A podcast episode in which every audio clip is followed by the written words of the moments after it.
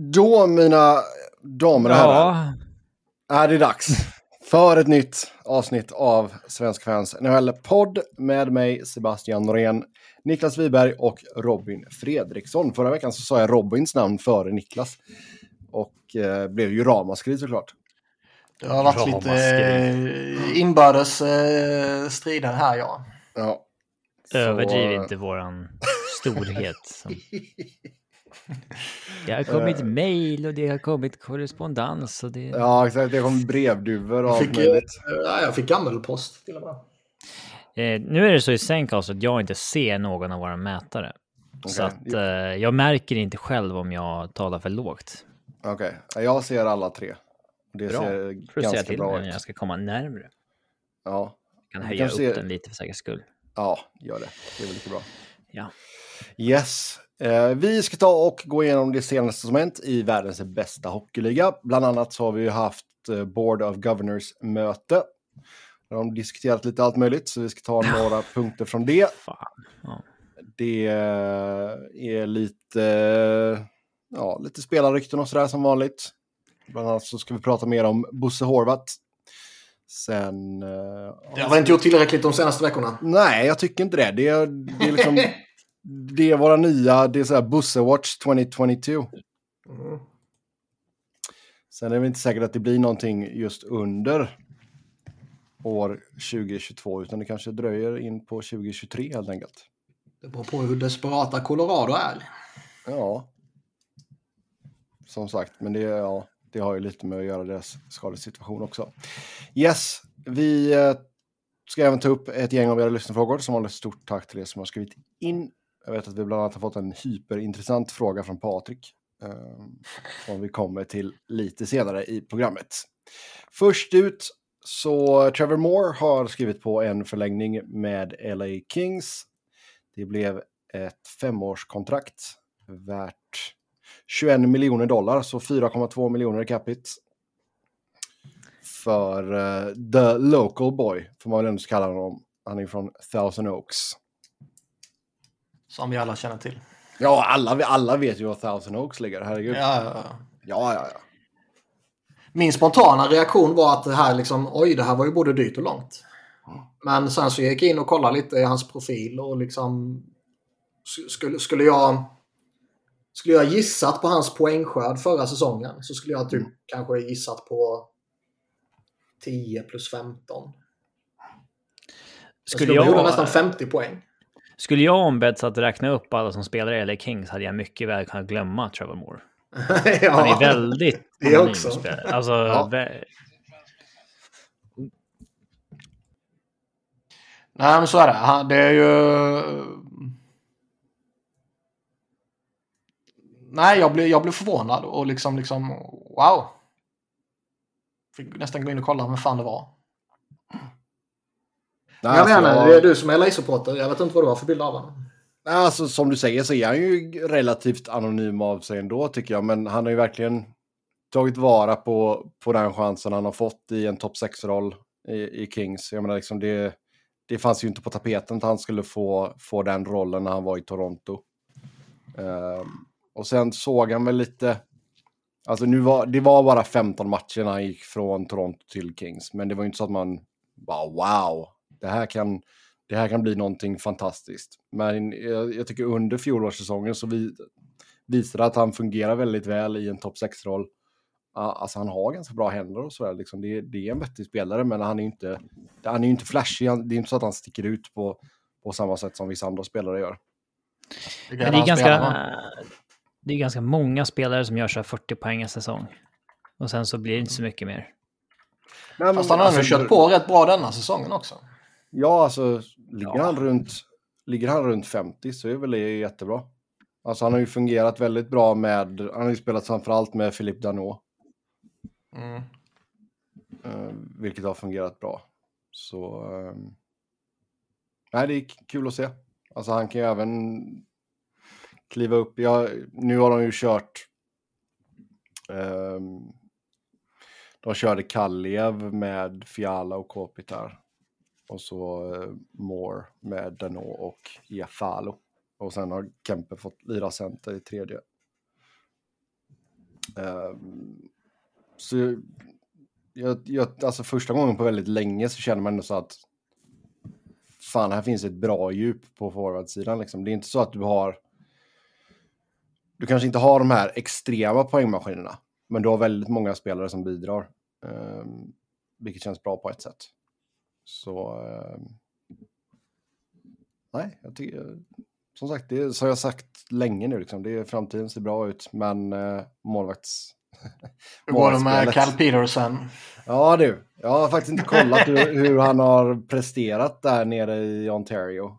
Men eh, Phoenix Copley är ju fortfarande uppe. Ja, han har spelat fyra matcher, 9.39 i eh, safe percentage. Ja, men det, han kanske är en jättebra AHL-målvakt då. 9.39, 93,9. Taskigt att labla honom som det om han går ner och gör det bra. Uppenbarligen hans nivå, då, då blir det ja. så. Ja. Han har ju ganska pissiga AHL-siffror förut så att uh, mm. det... Ja, jag vet inte. Så vi får väl se där. Men det är ju liksom, det är ju målvakts, målvaktsspelet är ju anledning till, till varför de inte uh, har ett bättre... Ja, nej men, ah, kanske inte leder, men liksom det... De skulle ju absolut kunna ligga på en mer bekvämlig slutspelsplats. Det, det tror jag nog ändå. För jag menar, de har ju släppt in väldigt mycket mål jämfört med andra topplagen i eh, Western. Mm. Så, eh, men, men, så är det. Fan, de har släppt in 120. 120. Mm. Flyer har släppt in 100. Mm. Ni är ju riktigt jävla pissiga. Ja, fast samtidigt kan de ju göra mål också. Det kan ju inte Flyers göra. Nej, det är ju en fördel. Men ja. uh, fan 120, det är...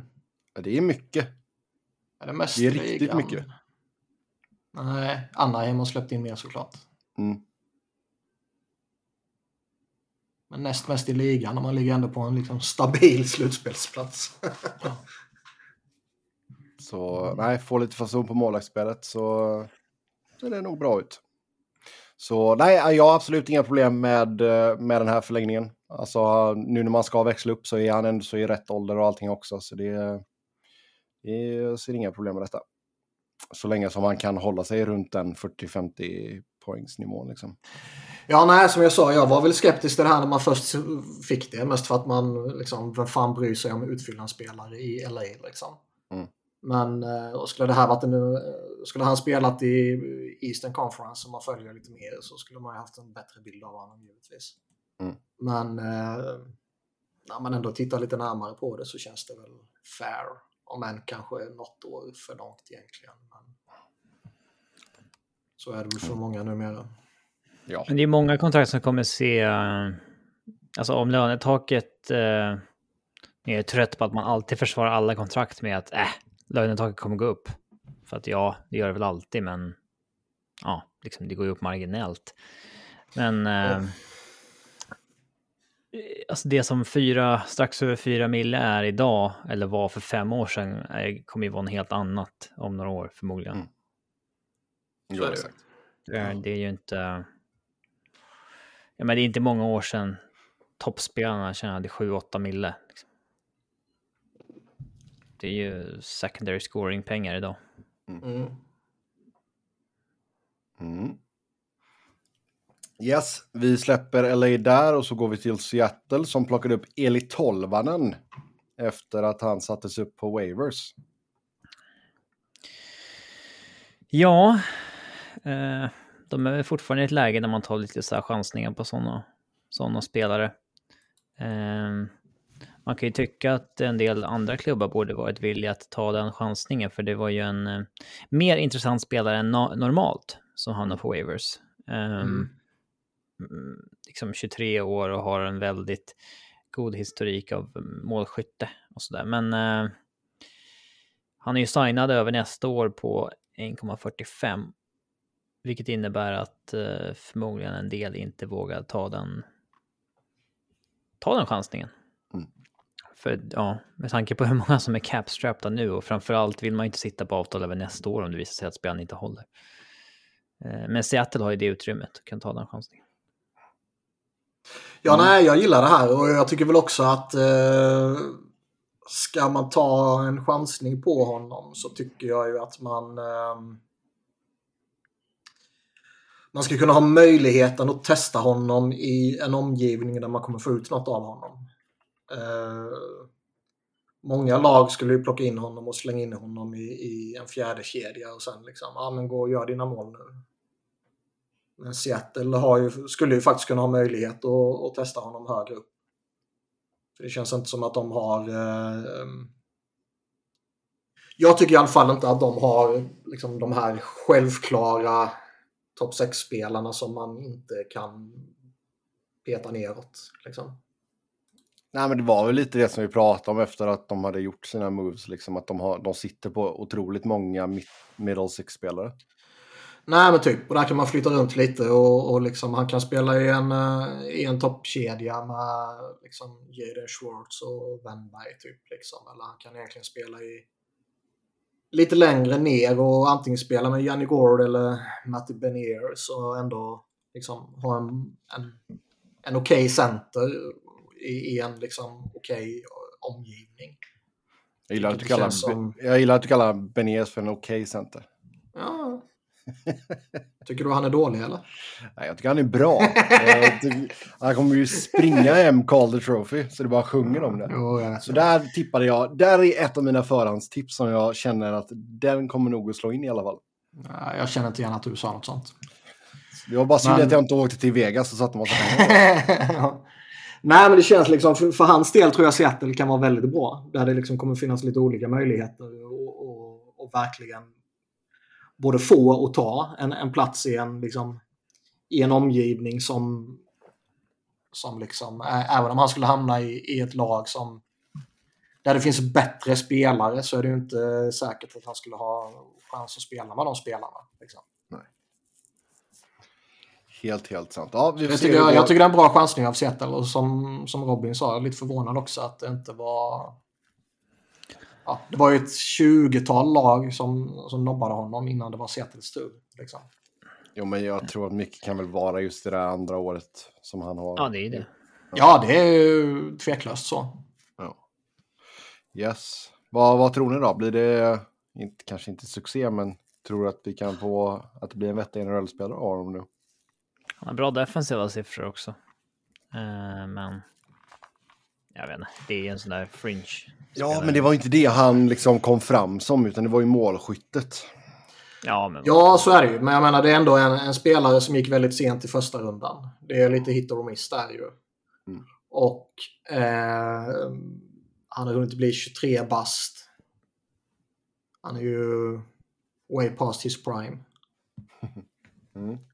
Och eh, Eh, man ska väl inte ta det som någon självklarhet att bara för att han får ett miljöombyte och en ny chans och så här att, att han kommer lyfta. Han kommer ju dessutom till en coach som är helt åt helvete värdelös. Men eh, man borde kunna få fram en NHL-spelare i honom. Däremot ska man kanske inte eh, hoppas att, det, att han hittar målskyttet plötsligt bara. För det har han ju inte haft på väldigt länge känns det som. Nej. Nej, jag menar det verkar ju vara ganska positiva vibbar kring Seattle just nu. De har ju börjat säsongen oerhört bra, får man ju nästan säga. Mm, mycket upprörande. Enligt deras, liksom, eller vad, man ska säga, liksom förutsättningar som de hade inför säsongen och sådär. Nej, men det är väl succéartat hittills. Ja, alltså det är väl, alltså tittar vi på överraskningar så är det väl de och New Jersey, som är de två stora. Jag kanske glömmer någon, en tredje. Nej, men det är väl rimligt. Jag tycker alltså Detroit har gjort det bra, Winnipeg har gjort det bra. Men det känns jo, som att Detroit, Seattle de och New Jersey med tanke på hur de var förra året. Liksom. Mm, nej, så är det. Ja. Yes. Uh, Montreal sägs vilja ha Brock Boser. Eh, tidigare så ska man ha erbjudit eh, Alexander Romanov när man fortfarande hade honom. Samt ett pick. Plus att man skulle ha varit villig att ta emot ett dåligt kontrakt. Eh, vad för utbyte skulle vi kunna snickra ihop nu från Montreal? Frågan. Det där ryktet om att de ville dumpa Romanov och ett pick för att ta honom, det ska ju ha varit från bubbelsäsongen. Mm. Ja, det är tilläggas. med vatten under broarna sedan dess. Mm. Eh, Ny, ny ledning och sånt där. Men eh, visst, alltså, ett intresse kan ju ligga kvar om det är en scout eller någonting som, som är jävligt het på honom. Ja, absolut. Alltså, han har ju mycket lägre status idag. Som spelare framförallt. Mm. Eh, så att ja, Ja, sen jag vet plötsligt så inte. känns han nästan som en... Alltså med sin cap hit nu på 6,65. Känns det nästan som... Alltså i dessa tider. Jag skulle typ kunna sätta upp på waivers och x antal lag hade nobbat. Mm. Alltså, där är vi nu för tiden. Ja, ja, så är det. Ja, alltså man undrar ju lite liksom vad, vad skulle de skicka? För som sagt, de, nu skulle ju inte Montreal kunna ta på sig något dåligt kontrakt eh, från Vancouvers sida. För det har de ju inte råd med. finns fem lag i ligan som har uh, cap space för att plocka upp honom på waivers. Mm. Mm. Sen vet inte jag om det eh, det finns säkert kanske något ytterligare lag som kan trixa lite med någon long term injury reserve och sådär som inte har gjort det ännu om det skulle ändå liksom. Ja. Ja. Men fråga, ja, så om vi ska snickra ihop någonting här från Montreal, vad går, i, vad går åt andra hållet? Ja, Det beror på lite vad vill- Vancouver vill göra. Jag vet inte vad de vill ha, hur de ser på sig själva. Nej. Det känns som de skulle lika gärna kunna liksom, nej men vi byter uh, Josh Anderson rakt av. Mm. Eller så känns det som att, eh, liksom, nej nej, ge oss Kirby Dash eller ingenting.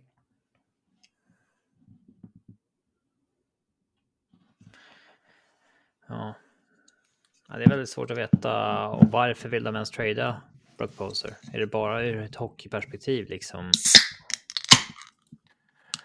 Alltså man läste väl någonting om att de är eh,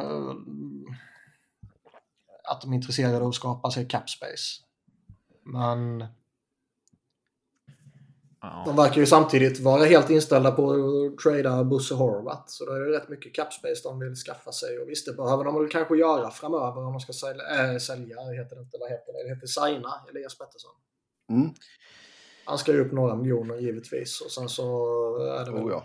ytterligare någon förlängning här och där som kanske Ja, alltså, du- du har ju kan redan- väl signa någon annan från Free Agency och så vidare. Du har ju redan Millers kontrakt som går upp till 8 miljoner kommande säsong också. Mm. Det känns ju som det är lite tidigt att liksom throw the season för Vancouver. Ja, Ehm, även om tre, jag tre, hade- tre poäng från eh, Colorado på sista villkorsplatsen.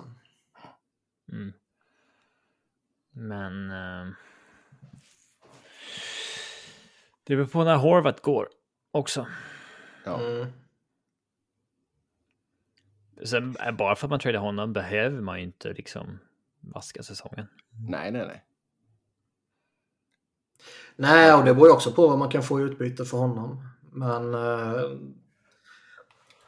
man såg ju också det häromdagen när, när, eh, när, när han var tvungen att gå ut och med ett statement att nej, men jag är helt fokuserad på Vancouver. Typ.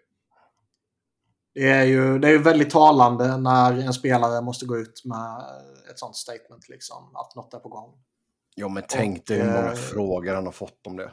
Jo, jo, så är det ju. Men det är ändå... Det säger ju någonting ju. Och eh, det är ju samma sak när en GM måste gå ut och, och ge sin coach ett uh, vote of confidence liksom. Det är ju talande också. Dödskyssen. The death. Nej, the kiss of death. The death kiss. ja. Ja. Du vill börja kalla det för det nu istället. Death Bra kiss. filmtitel. Death Ja. kiss. Ja. Eh, yes. Det finns garanterat en porrparodi som heter det. Ja. Nej, alltså jag, jag funderar på, alltså visst, Josh Anderson är väl ett alternativ om Vancouver ser honom som en liksom viktig, för jag menar han har fyra år kvar på sitt kontrakt efter den här säsongen. Något annat du skulle kunna göra är ju typ att du tar in, ja nu sitter både, eller ja i och för sig. Duran har tre lag på sin no trade-lista. Jag tror inte Vancouver är ett av dem. Dadonov sitter på tio lag. Ja, frågan är om de har koll på hans lista. Ja. Nej, men liksom att du tar någonting där och sen att de flippar vidare liksom i så fall. Alltså om vi, om vi leker med tanke på att det är trade deadline, Vancouver är utanför slutspel med, med lite... Ja, nej, men det, det känns jävligt svårt att säga. För det, det är som vi har pratat om tidigare. Jag kände som verkar ju ha liksom... Det verkar ju finnas intresse för honom. Hans anseende verkar väldigt högt, ja. Ja. Och eh, Vancouver kanske är tokförtjusta i honom eller så avskyr de honom. Det känns ju helt omöjligt att säga. Alltså Anderson känns ju som en spelare som är... Eh, eh, att många GMs tycker att det är lite av en dying breed kanske. Mm. Mm. Den här liksom um, power forwarden som eh, eh, gör allt. Så att säga. Um, sen håller ju inte jag honom särskilt högt. Alltså, men eh, det verkar ju uppenbarligen som att många gubbar som styr NHL-lag gör det. Så är det Ja, verkligen. alltså, jag vet inte fan om jag hade... Ja, jag kan säga jag vet inte fan om jag hade tagit upp honom på waivers ens med det där avtalet. Eh, men det hade jag väl med tanke på att jag vet vilket värde han har runt om i ligan. Hade jag flippat honom direkt liksom. Men Mm. Men om det inte är en möjlighet så skulle man ju nobbat honom. Ja, alltså det är en halv poäng per match liksom och lite liksom grinding. Alltså jag, jag vet inte vad, vad den stora lockelsen är med honom. Men det är som att vissa GMs tappar ju fullständigt så fort det finns en spelare som spelar fysiskt och gör lite fler mål än snittet. Då är det ju liksom det bästa som skivat bröd helt plötsligt. Ska man, ska man vara fördomsfull så är ju Jim Rutherford en sån ju. Oh ja, oh ja. Han har ju också visat en otrolig vilja att liksom eh, skaka om Mm. väldigt eh, lättvindigt. Mm. Sen vet jag, det, det är svårt att säga hur mycket han styr och hur mycket Alvin styr, men eh, man misstänker ju Nej, det. men det är klart, ja man misstänker ju att en sån veteran och respekterad gubbe, kom, han, han kanske inte styr det dagliga, men kommer han och säger någonting så är det nog en rätt stor sannolikhet att man eh, i alla fall undersöker det och förmodligen försöker sig på något också. Yes, eh, vi stannar kvar på Vancouver då och eh, Bosse Horvat. Eh, och där sägs Vancouver inte kunna eller vilja gå längre i förhandlingarna och att man nu kommer acceptera bästa möjliga bud. Snacket var väl att deras senaste bud ska ha gått in på under 8 miljoner. Ja. 8 miljoner? Nej. 8 år? 5,1 Åtta år. miljoner? Nej, ja, nej, det var det vi pratade om förra, men, men i förhandlingarna nu att deras att Vancouvers maxbud är liksom eh, det som de nu då har konstaterat att han inte kommer att acceptera. Så läste jag något om att det, det är under 8 miljoner. Det är under 8 miljoner så det kan fortfarande vara 5,1. ja, det skulle kunna vara 5,1 absolut. Mm. Jag vet inte om det stämmer eller inte sådär, men, men eh, liksom, visst är han on pace för 60 mål eller vad fan är han on pace Jo, för? men vad fan. Skulle det vara så att de bara, du får 8 år, 7,5, då ska han bara säga ja, var- vart ska jag skriva på? Ja, det är klart. Sen samtidigt sitter han och tänker att hamnar jag på free agency och jag kommer från en 50 målsäsong så... Så är jag nya i Jeff Skinner. Ja, och sen så Ja. kan det vara kul att spela för ett bra lag också någon gång. Ja. Ja, men hur många av de bra lagen har 8 miljoner över liksom? Eh, typ ingen, men eh, det löser ju sig på sommaren oftast. Det är som Kadri, det fanns ju ingen Suter, men det, det blir ju en Suter till slut liksom. Eh, men det är klart, det, det är ett bra läge att sell high på en spelare som Horvath som 21 mål på 29 matcher. Det är ju liksom inte hans... Eh, Nej, vad, vad är hans skottprocent på? Eh, ja, vi kan se efter, men eh, alltså historiskt sett så är det ju en 60 poängsspelare och det är väl en jättebra andra center att ha, även om jag stör mig lite på att han, bilden av honom är att han ska vara någon sån här tvåvägsspelare, vilket han inte är. Han har alltid haft jävligt pissiga defensiva siffror liksom. Eh, Men... Eh, eller pissiga, men han har aldrig varit en spelare som har stuckit ut med bra def defensiv i alla fall.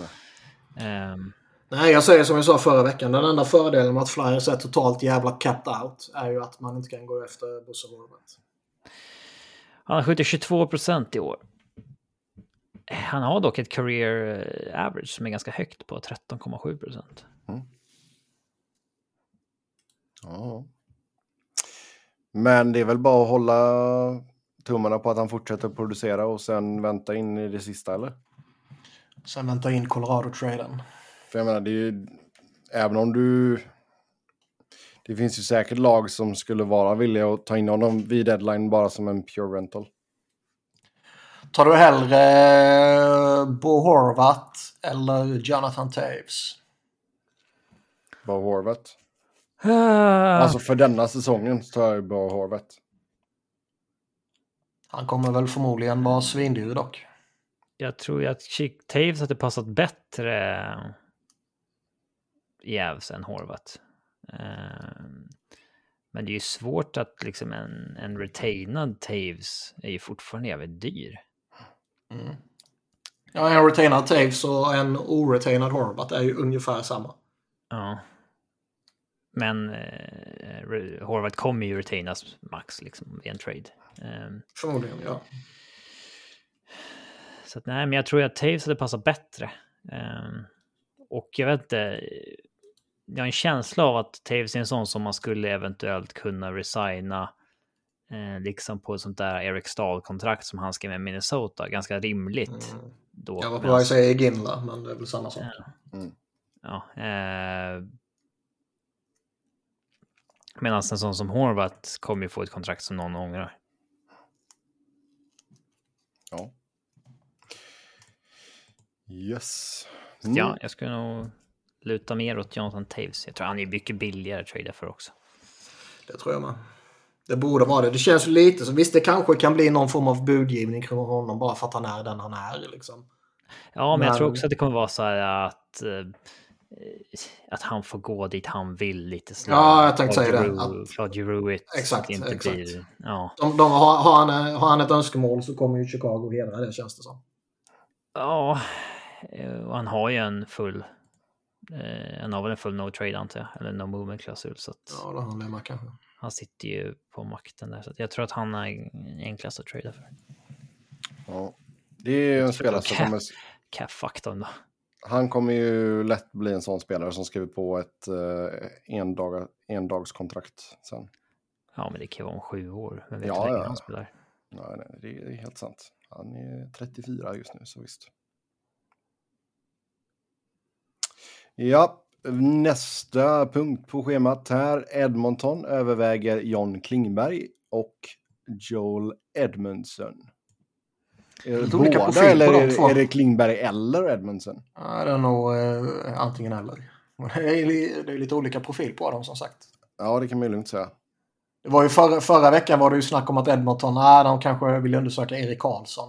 Nej, det funkar inte. Nej, då vill man titta på John Klingberg. Det är liksom ingen orimlig liksom, om man inte kan få Erik Karlsson så blickar man på Klingberg istället. Men att blicka på Men har man inte redan... Istället, eller Joel Edmondson istället.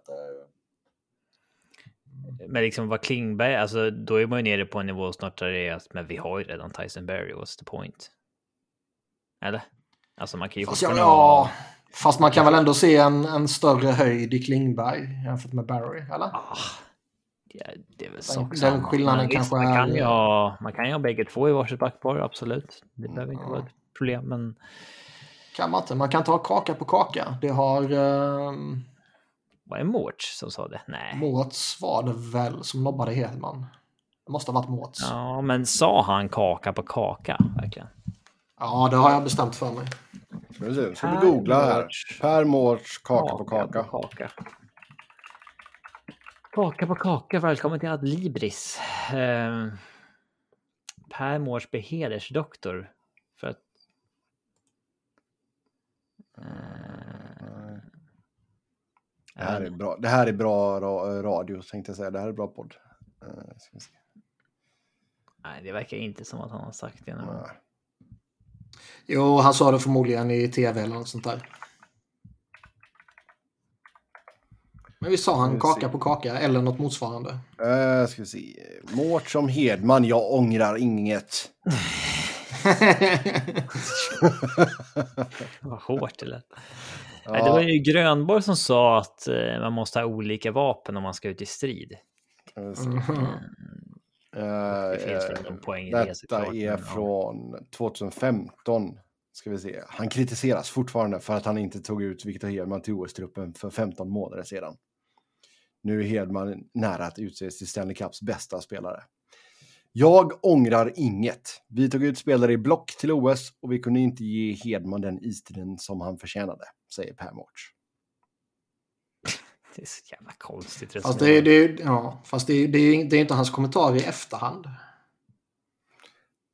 Nej, alltså det var väl vad han sa då. Sa han kaka på kaka då? Mm. Jag tror inte han har tagit orden kaka på kaka i sin mun. Om jag ska vara ärlig. Ja. Ja. Ja, det var ju då Henrik Tallinder och Alexander Edler gick före. Mm. Ja, för man var skyldig Edle det för att han kom till VM och tog ett matchstraff. Och Jävligt bakvänd e, ja. Ekman Larsson tyckte att eh, avstängd, Tallinder, nej det var rätt att han med. Eller ja, han sa väl att det är, han har väl de egenskaperna som de säger att han har. Att det är liksom en bra lagkille liksom. Mm. Mm. Nej, jag vet att jag har rätt i alla fall. Vilka var de åtta backarna? Eh, Ja, det var Erik Karlsson och Oliver Ekman Larsson. Och Henrik Tallinder och Alexander Edler. Ja, jag tror Odoja Hjalmarsson var ett par. Mm. Det var ju ändå så ett vettigt par då. Ja, på den tiden. Mm. Sen- Kronvall måste ha varit med. Så har vi honom. Ekvall, eller Ekvall, Ekholm. Eh, borde varit med va? Kan det ha Ja, varit lite för tidigt för honom eller? ah. det var, då ska vi se. Edler som vi nämnde ja. Ekman Larsson, Jonathan Eriksson, eh, Hjalmarsson, Karlsson, Kronvall, Odoja, Tallinder. Så ingen Ekholm. Det var Jonathan Eriksson istället. Ja, okej. Ja, det är questionable också. Ja, ja, kanske inte då, men ja. Han var väl ändå OK. Men om det var 2014 eller om det var 2012 han var okej, det kommer man inte ihåg. Ja, ja. Mm. Per Mårts säger också att han kollade på delar av Stanley Cup-finalen, men inte hela. Han har, han har, han har sommarlov. Ja, Ja, ja, ja. ja. Nu släpper vi Pelle ah, för fan. En av de trevligaste människorna jag någonsin har haft att göra med. Men eh, han flippade rätt hårt i OS det där. Så. Mm. Att ha med en sån som Hedman där och då liksom istället för Tallinder, det kan ju faktiskt... Det kanske man vinner guld på. Ja, hade kunnat varit bägaren som tippade, eller vad säger man? Det som fick bägaren att tippa över. Mm. Och sen skulle det underlättat om Niklas Bäckström inte var en dopad fuskare givetvis. Tappade ju flera där.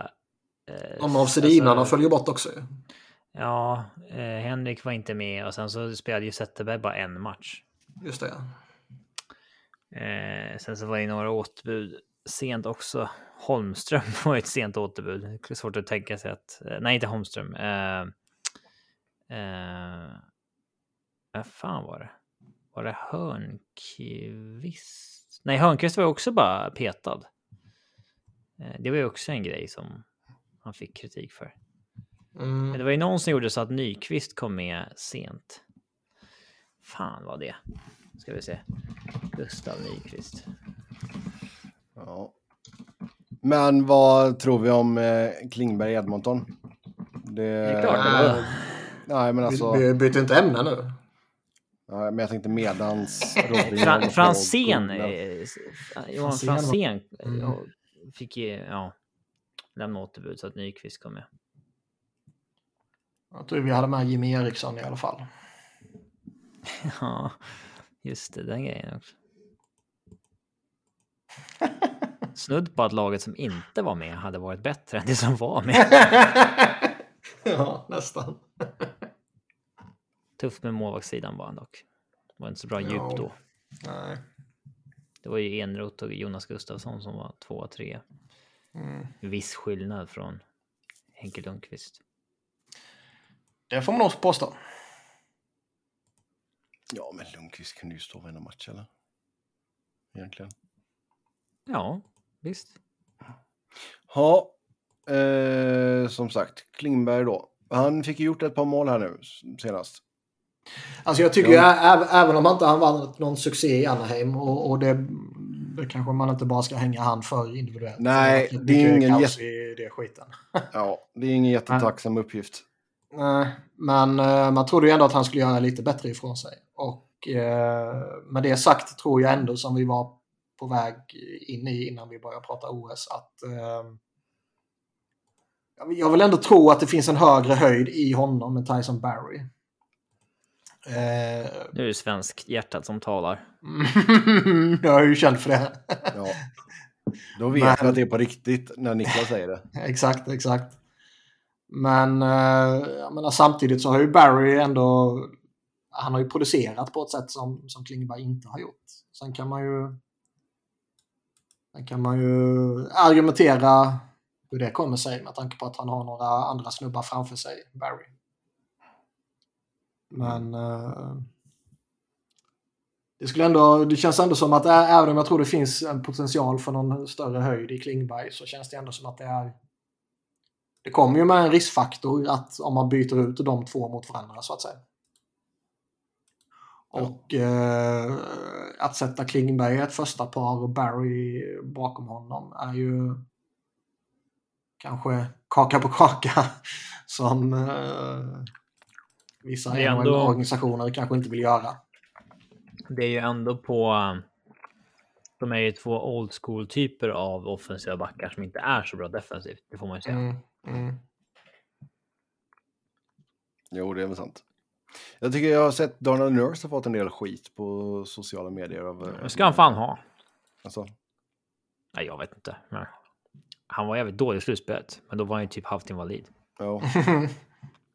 Men det är, han kanske behöver en, en grundserie här nu bara för att komma upp i Men de- någorlunda pe- standard igen. De petade väl Bouchard har jag för mig. Ja, det är väl han som ryker om Klingberg kommer in. Det är inte Ceesay. Ja. Nej. Och det, han har väl någon form av uh, sophomore slump nu känns det som. Mm. Men det är, det är ändå någon man behöver vårda, både kortsiktigt och långsiktigt såklart. Han har ju en jävla höjd i sig. Ja. Hade han varit fotbollsspelare så hade det snackats om åldersbluff på honom. Han ser ut att vara typ 35 bast. Det är helt otroligt. Det har jag faktiskt inte tänkt på. Nej. Ja, men alltså när han var i SSK, då var han liksom... eh, Vad var han då? 21, 20. Mm. Mm, såg ut som 30 plus. Mm, Det har jag aldrig tänkt på, men nu när jag googlar honom så har du fan Ja, jag rätt i det. tänkte säga det. Även från eh, det fotot från när han var i London Knights så ser han ju fan bakis ut och eh, jävligt trött och gammal ut. Ja. Han är liksom, han han Han ser ut som är liksom John... junior här. Ja, han ser ut som John, han ser ut som John Tavares storebrorsa typ. Han är, typ så här, han är skägg och ärr i ansiktet och junior. Ja, det är fint. För övrigt, när jag, jag vet inte om ni såg den frågan som jag ställde till EP Johan på Twitter, men Jo. ehm, David Perron, hans EP-profil. Har du tänkt på det Sebbe? Nej, Öppna upp den ska du se. på ja någonting. det ska jag göra. Det är ju inte varje vecka man är inne i David Perrons... eh, Det ska jag absolut göra. David Perron Ä- har vi där. Är han den enda spelaren som endast har två säsonger av data innan hans NHL-säsong? Oj. Mm. Och då var han ändå en first I- rounder. I en modern kontext måste det vara så. Går man tillbaka till 40-talet kan man för- förmodligen hitta jättemånga. Men han spelar ju någon form av skämtliga där 05-06. Ja, jag såg det. Någon midget league eller vad fan det var. Mm. Ja, ja. Som inte är dvärgliga. Nej, okej. Nej. Det är ingen sån här Paralympics. Nej, Nej. det har med åldersgruppen att göra. Och sen så går han då till juniorligan, är en jättebra säsong, draftas i första rundan, går direkt in i NHL. Mm. Men att det bara finns liksom två säsonger av... Om, om vi båda, om vi alla tre skulle ta, Ska vi göra en tävling? Vi får en timme var allihop. Försöka hitta en spelare som har max en säsong av Ja, data nej, innan, han kom, innan första NHL-säsongen på EP. Ja, Det, det det, vi finns inte göra. tror jag. nej. Fan vilket trökigt äh, jäkla pannigt lagnamn. Lewinston Maniacs. Åh, Det är sånt där du kungligt. gillar. ja, nej. Oh, just sådana fan. Nej, för fan. Maniacs. Det är väl exakt sånt du brinner för? Va? Maniacs. Bara för att de är... Ja, ja. ja. Mm, men det du är en sån lite... som eh, när eh, Ullevi skulle byggas i, eh, i Göteborg och Sture Allén skulle namnge den. Ja. Var, var du en sån som gick runt och sa att så hoppas han inte döper den till Stureplan? Ja, nej. Det... Åh, vad dåligt. Åh, vad dåligt. Ja, fy fan. Ja, vad fick han? 100 000 kronor för att komma på... Döpa den de till nya gamla Ullevi? Ja, exakt. Fan. Jävla... ja, det är något av det sjukaste alltså. Mm. Men, men. Ja. Eh, ska, ska vi säga någonting om Joel Edmondson? Nej. Nej. Sån där elak back som många Elak back. Han har vunnit kuppen. Han vet vad som krävs. Mm. Det är han som kommer att vara tungan på vågen, inte McDavid och Dreisaitl. Ja. Conor McDavid may score the goals, men man vinner inte utan killar som Joel Edmondson. Nej, Så, kommer det, så kommer det låta. Mm. Ja, då går vi till Board of Governors-mötet. Eh, de chillade. Vad var det? Boca Raton eller någonting? Vart var de? Ja, det är väl alltid där nere nu på eh, Det de brukar här. inte vara i Calgary om man säger så. Gött, götta sig lite, spela, spela lite golf, ha möte i en timma. Låter jävligt soft. Mm. Nej då, de jobbar svinhårt. Det tror jag icke. Det är nog ganska långa möten, det tror jag nog. Så. Sen lär det nog bli lite golf. Bara för att det är långa möten betyder inte det att de jobbar hårt. Tiki-drinkar. Ja. Man har ju suttit på det möten ibland och inte jobbat så hårt kan man säga. Oh, ja. Du sit, sitter och spelar Snake på din Nokia 3310. Ah, Underbart spel. mm, det var för tiden. Ja, det var tid, tidigare. Man hade inte så där jättemycket att välja på eller. Det var typ Snake, sen var det väl typ någon... hade man Tetris var det ju lite okej. Ja, Nu, nu, nu är ehm, eh, en fråga har jag här. Mhm. Vad hände med Patriks fråga förresten? ja den kom. Eh, ja, den kommer. Men nu har jag en fråga. Räknar vi... Eh, alltså George Vesina har ju en säsong innan han började spela för NHA som var NHLs förlaga. Men det är också 1909. Mm, Och det räknas ju inte enligt Robin. nej. Ah, Men då har han en säsong, ingen statistik överhuvudtaget och sen börjar han lira för Montreal i NHA. om man går in på Montreals första lag där, 17-18, då borde man ju kunna hitta någon spelare som eh, det är den... Nej, jävlar, det var, var han Joe. Eh, Malone hade mycket data. Ja, sin- vi, nu ska vi inte fastna på den, tycker jag. Eller? Ehm, Kunde vi fastna i två timmars pingpong förra helgen? ja, jo. Helgen ska vi fan fastna i eh, det här i en timme. Ja. Det, var någon, det var någon som kommenterade om vilka jag eh, tyckte var notabla spelare. De, de hade... Tyckte jag kanske hade satt min ribba lite för lågt där. Ja. Sean Bergenheim hade ju det va, i Florida. ja, 28 hade han va? jag vet inte. Det hade han inte det i Frölunda. Det vet du bättre än mig. Frölunda-tröjnummer kan jag verkligen inte Sebbe. Ja, ja, ja, ja. Frölunda-nummer man kommer ihåg. Jag kommer ihåg att målvakten Joakim Lundström hade 84 va? Det är rätt konstigt. Det är ett konstigt nummer ja. Men det är för att han står med armarna upp i luften med ryggtavlan exponerad i den här Frölunda musikvideolåten Bara hjälmar av guld. Mhm. Nu har jag en mer modern målvakt här. ja. Eller eh, målvakt, en spelare. Syl Apps har en säsong innan han gick in i Toronto, 36-37. Det är väl fortfarande för långt bak. Alltså vi behöver att det är från 1990. Jag tror i modern kontext kommer man inte hitta. Här, fan, oh, du, kolla här du. Ted Kennedy. Som gjorde 12-ish säsonger för Toronto. Hans första säsong spelar han i NHL. Ja, det blev hugget tidigare. 42, 43. Nej, 42, 43 splittar han ju, eller splittar, men han gör 23 matcher för Port Colborne Sailors i OHA. Och sen har han två matcher för Toronto den säsongen. Och sen efterföljande säsong är han i NHL för resten av karriären. Ja, okay. Jag vill säga att jag var rätt duktig på det här spelet. Jag behövde ingen Mm. timme. Nej. Ja. Men jag tror det är, jag tror det är Nej, men vad jävligt svårt. Jag tror det är jävligt svårt i en eh, modern kontext att hitta. Ja. Då behöver man nog den där timmen. Speciellt en first rounder. Ja, ja. Är vi klara? Får vi se. För, till, för tillfället. Vi kan mycket väl återkomma till det här. Ja, okej.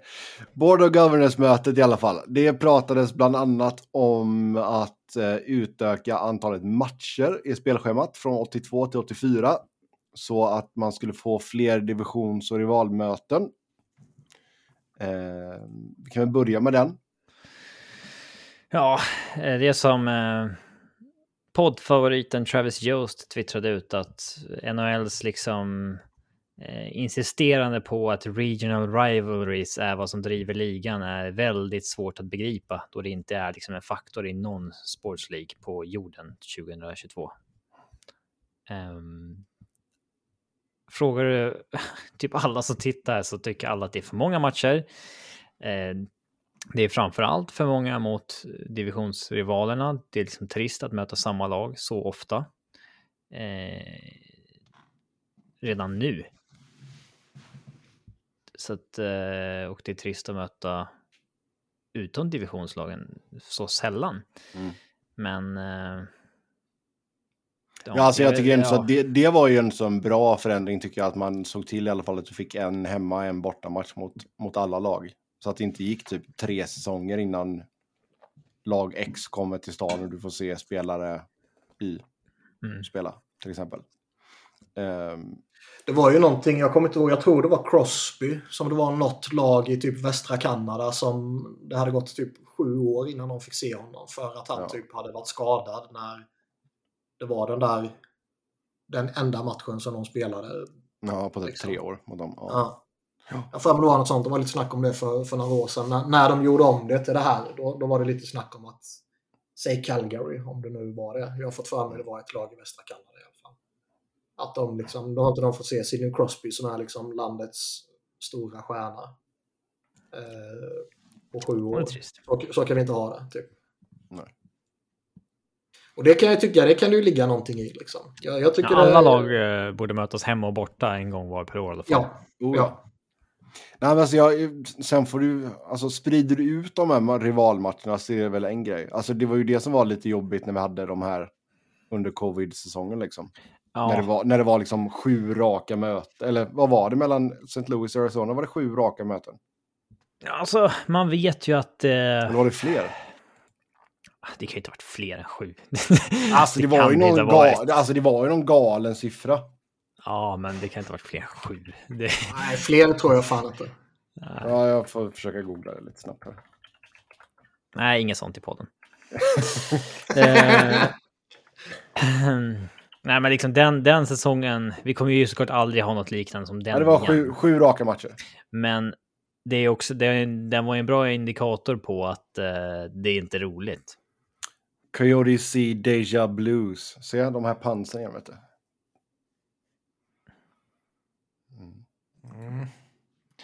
Nej, men där, däremot så um, som vi pratade om när det var aktuellt där så tycker jag att det kan finnas en um, en relevans i det här uh, baseballupplägget som de kallar det. Där man kanske gör eh, några matcher i samma stad. Mm.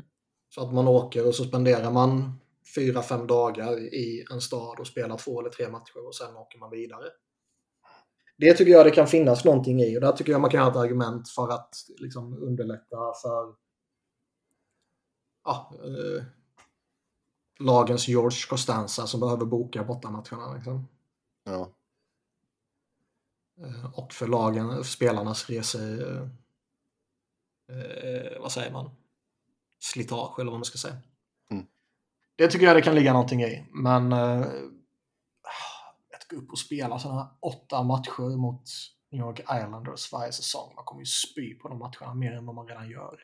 Ja, men det blir väl att du då får du. Jag tror snacket var här var att du skulle få fyra matcher eh, mot varje divisions eh, motståndare. Nej, jag, jag har läst åtta. Nej, men, eh, ska vi se här nu. Jag tycker att jag hade... Vart var den nu då? Nu är det ju tre, igen då. Ja, nu är det ju tre till fyra. Ja, ska se. Jag tror det var Wyszynski som hade en artikel ute på ESPN här. Bra podd när det är mycket sådär. Hur var Ja, det nu visst. igen? Hur var det nu igen? Tionde Ja. gången. Uh, ska vi se. Eh, I Metropolitan Division, for example, New York Rangers play the rival New York Islanders and Philadelphia Flyers only three times each. Mm. Eh, och då står det addition of two regular season games, blah, blah, blah, blah, eh, while giving divisional rivals four games against each other every season. Ja, alltså gå från tre till fyra är skitsamma. Jag läste någonstans, jag kommer absolut inte ihåg vad det var, men att eh, det var liksom snack om åtta matcher. Ja, men jag, Då, bör, då jag, jag, ju... jag då tycker att ju- Greg Wyszynski är en bra källa, så jag går på vad han skriver. Eh, jag läste på Twitter, allt som står på Twitter är sant. Och... ehm, nej men säg, säg liksom, jag, jag, jag kommer ihåg att jag läste åtta. Jag kommer inte ihåg om det var relevant eller källa eller inte. Liksom. När Men, var eh, senaste gången man hade 84 matcher under eh, regular season? Man behöver, gå- behöver man gå tillbaka till 80-talet då eller? Ja, tidigt 90-tal. Till 90-tal. Ja. Eh, men jag menar, ska man gå upp till, eh, till åtta matcher, då behöver man ju fimpa bra många matcher mot både de i den andra konferensen och eh, de i den liksom, andra divisionen i samma konferens. Men som sagt, fyra divisionsmöten. Så, ja. Sen att de går upp till om de spelar 82 eller 84, det är väl skitsamma liksom. Eh, och det är ju som vi alltid har sagt att eh, det är en mycket större sannolikhet att de utökar spelschemat än att de fimpar matcher. För det, de kommer inte dra ner på antalet matcher. Nej, nej, nej. För det tjänar de pengar på. Ja.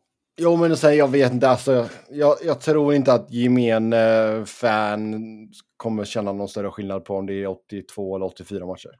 Det tror jag inte. Nej, så är det. det, det är om vi skulle kom, komma upp på den här baseballnivån med över 100 matcher liksom. Mm. Då... um, Men sen Sen det är, även... de, de utarmar ju skiten redan eh, liksom. Genom att spela för många matcher alltså. Alltså, Säsongen borde vara max På- 70. på ett sätt så gör det väl också att det är oftast de bästa lagen som går till slutspel i och med att vi har så många matcher. Ja, det är bra, På- men det är på, fortfarande för mycket. Paul Holmgren har bara två säsonger innan han gjorde NHL-debut. Mm. Eh, Man eh, förde även nya diskussioner om att utöka slutspelet. Åh. Men det, Det- det sköt väl Batman ner? eller?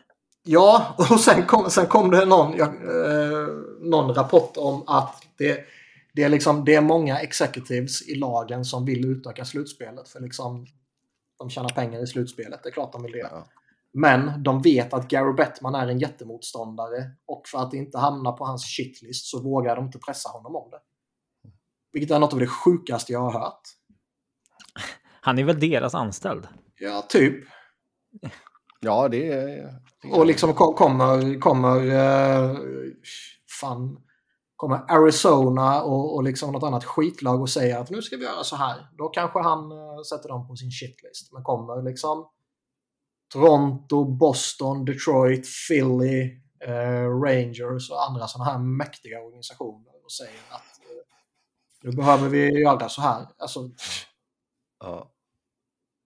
Nu såg jag din tweet där Robin också. Jag gillar att det, var, att du, att det blev David Persson. ja, det var du som inte ville återgå till det här ämnet. Ja, jag vet. Jag såg det. Men... ehm, vad pratade vi om? Batmans shitlist. Paul Ja, Holmgren. just det. Utökat slutspel. Paul. Holmgren. Alltså jag har ju tidigare sagt att jag skulle kunna tänka mig att man gör en någon form av eh, liksom att man utökar villkortsplatserna till, till att fyra lag får göra upp om två platser. Det, det skulle jag kunna tänka mig att, införa om man nu vill utöka slutspelet. Liksom. Fast Eh, helst inte det heller. Alltså. Nej, sen, sen, kan jag, sen kan jag ju tycka liksom att det, det, är, det är konstigt, tycker jag, och det har vi väl pratat om tidigare, att det bara är 16 lag, att det bara är halva ligan som går vidare med tanke på att eh, det är i slutspelet de kan tjäna sina pengar. Det borde vara ett mycket, mycket, mycket, mycket större tryck från ägare och organisationerna att utöka. Eh, Alltså vilka fan, alltså. alltså hälften av ligan går till slutspel.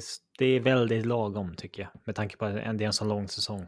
Skulle Nej, jag håller med. Och det, det, 70 procent av lagen spelar Ja, nej, jag- Då- Då behöver vi inte spela 82 matcher också innan, innan dess. Nej, jag håller med dig och jag, tycker, jag säger bara att det, det är märkligt att, att lagen inte trycker på mer för det. Eller det kanske de gör, men att det bara är helt resultatlöst och Bettman är en jävla envåldshärskare typ.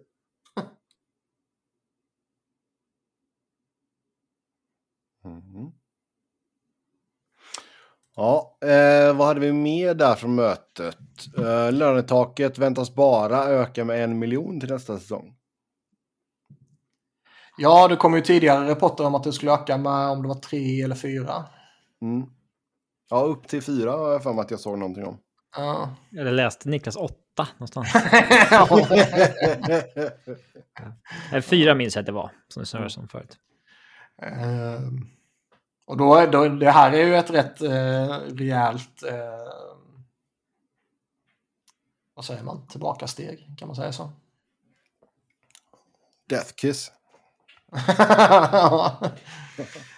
Nej, för det är alltså, det är som jag har sagt, det är, eh, det är några enstaka lag i ligan som har löneutrymme liksom. Ja, men vi, vi har ju nått en punkt där vi behöver en till Amnesty buyout eller två för varje lag. Ja, och man märker ju att eh, det går inte att trada. Det var ju till och med folk, eh, eller det var, de var väl anonyma liksom, executives som hade kommenterat det till Elliot Friedman eller vad det var liksom att vi försöker men det, det är helt omöjligt, det går inte. Det är liksom halva ligan käkar long term injury reserve-utrymme.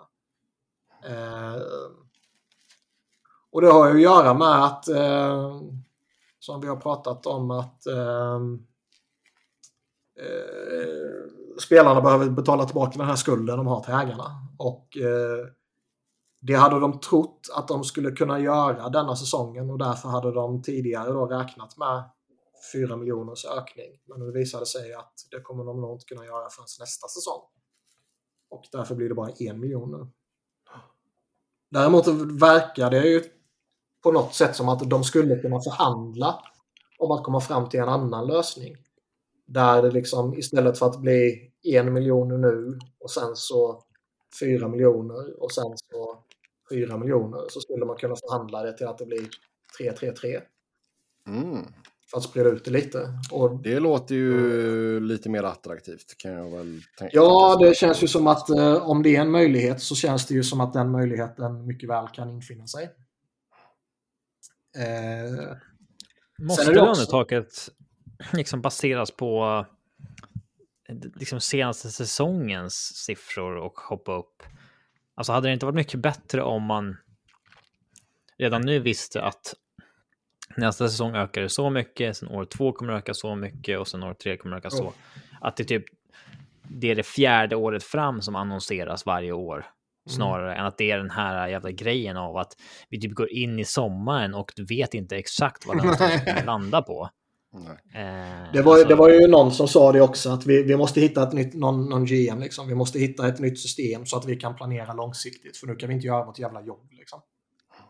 Och det har ju lite att göra med deras eget fel, att de själva inte kan hantera ett jävla lönetak. Men det är ju en poäng där som Robin säger också, att man, man borde kunna ha lite större framförhållning tycker man.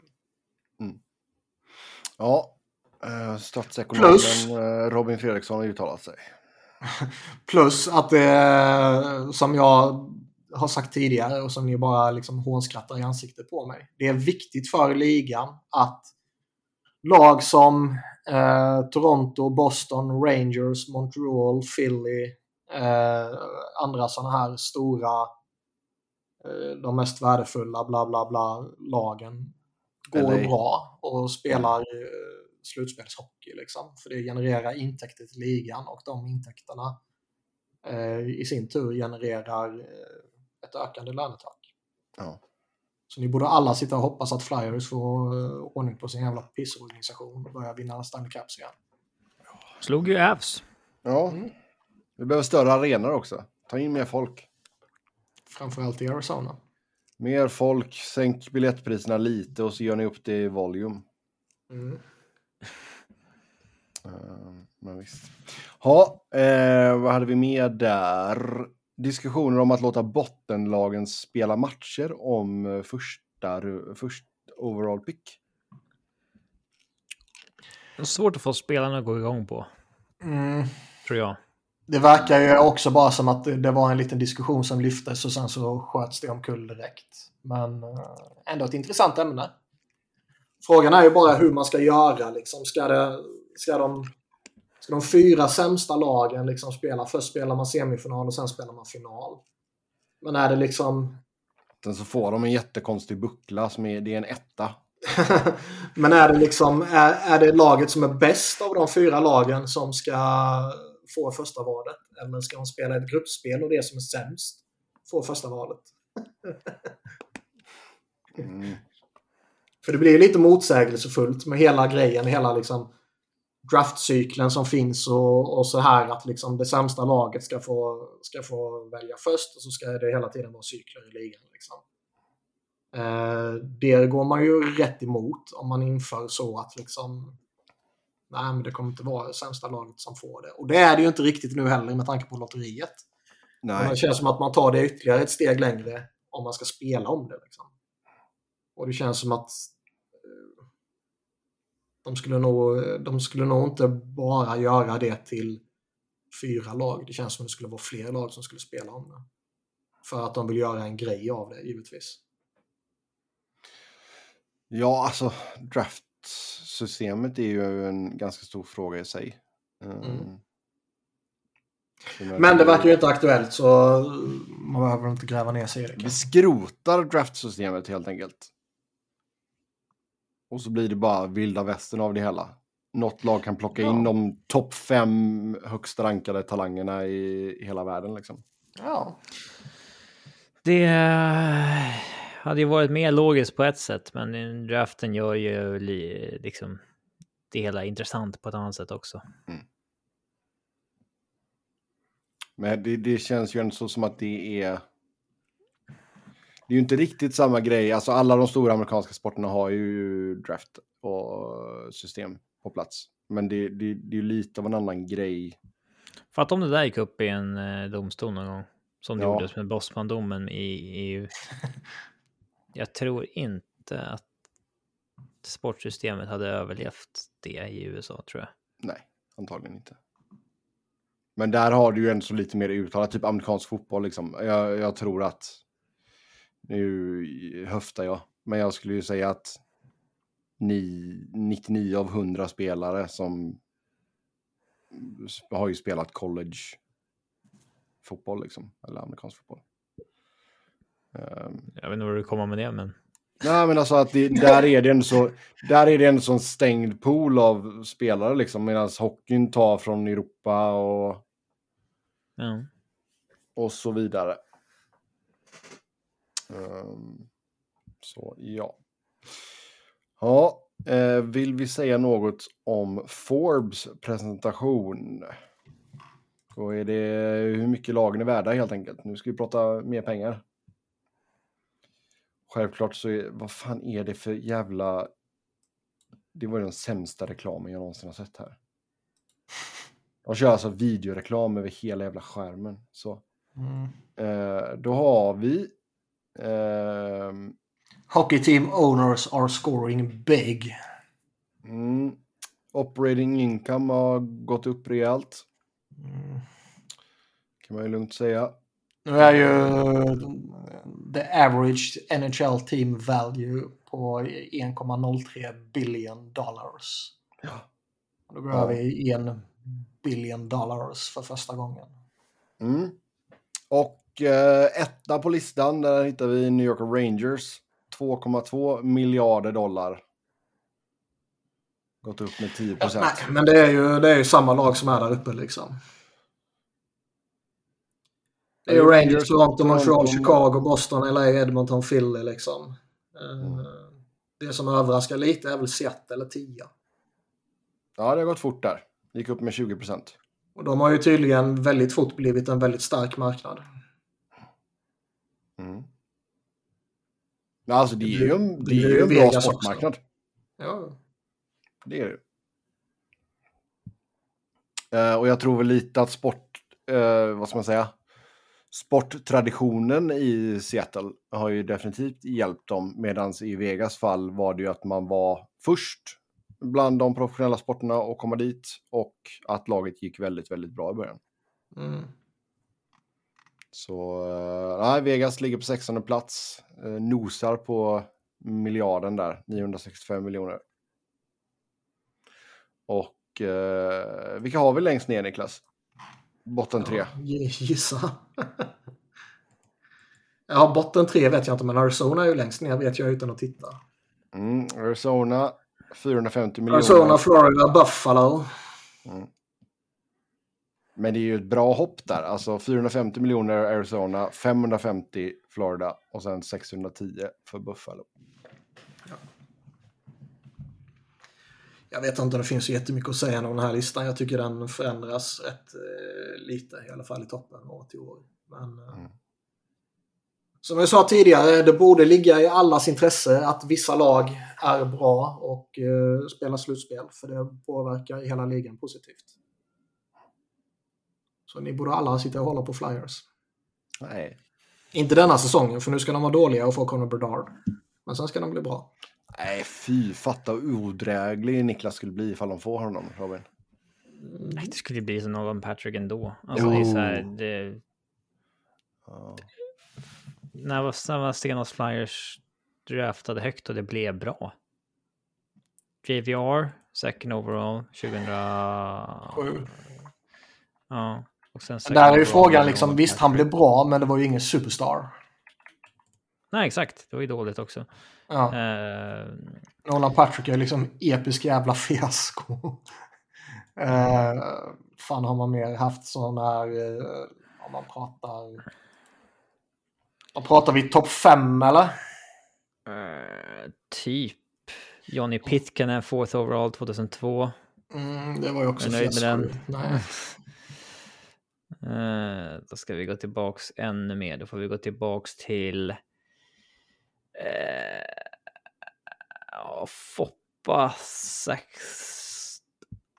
sexa overall. Men det är ju liksom tradade man ju bort Mike Ritchie som fyra 90 när man tog han före Jager. Den är ju också en, en dolk i Flyers-själen.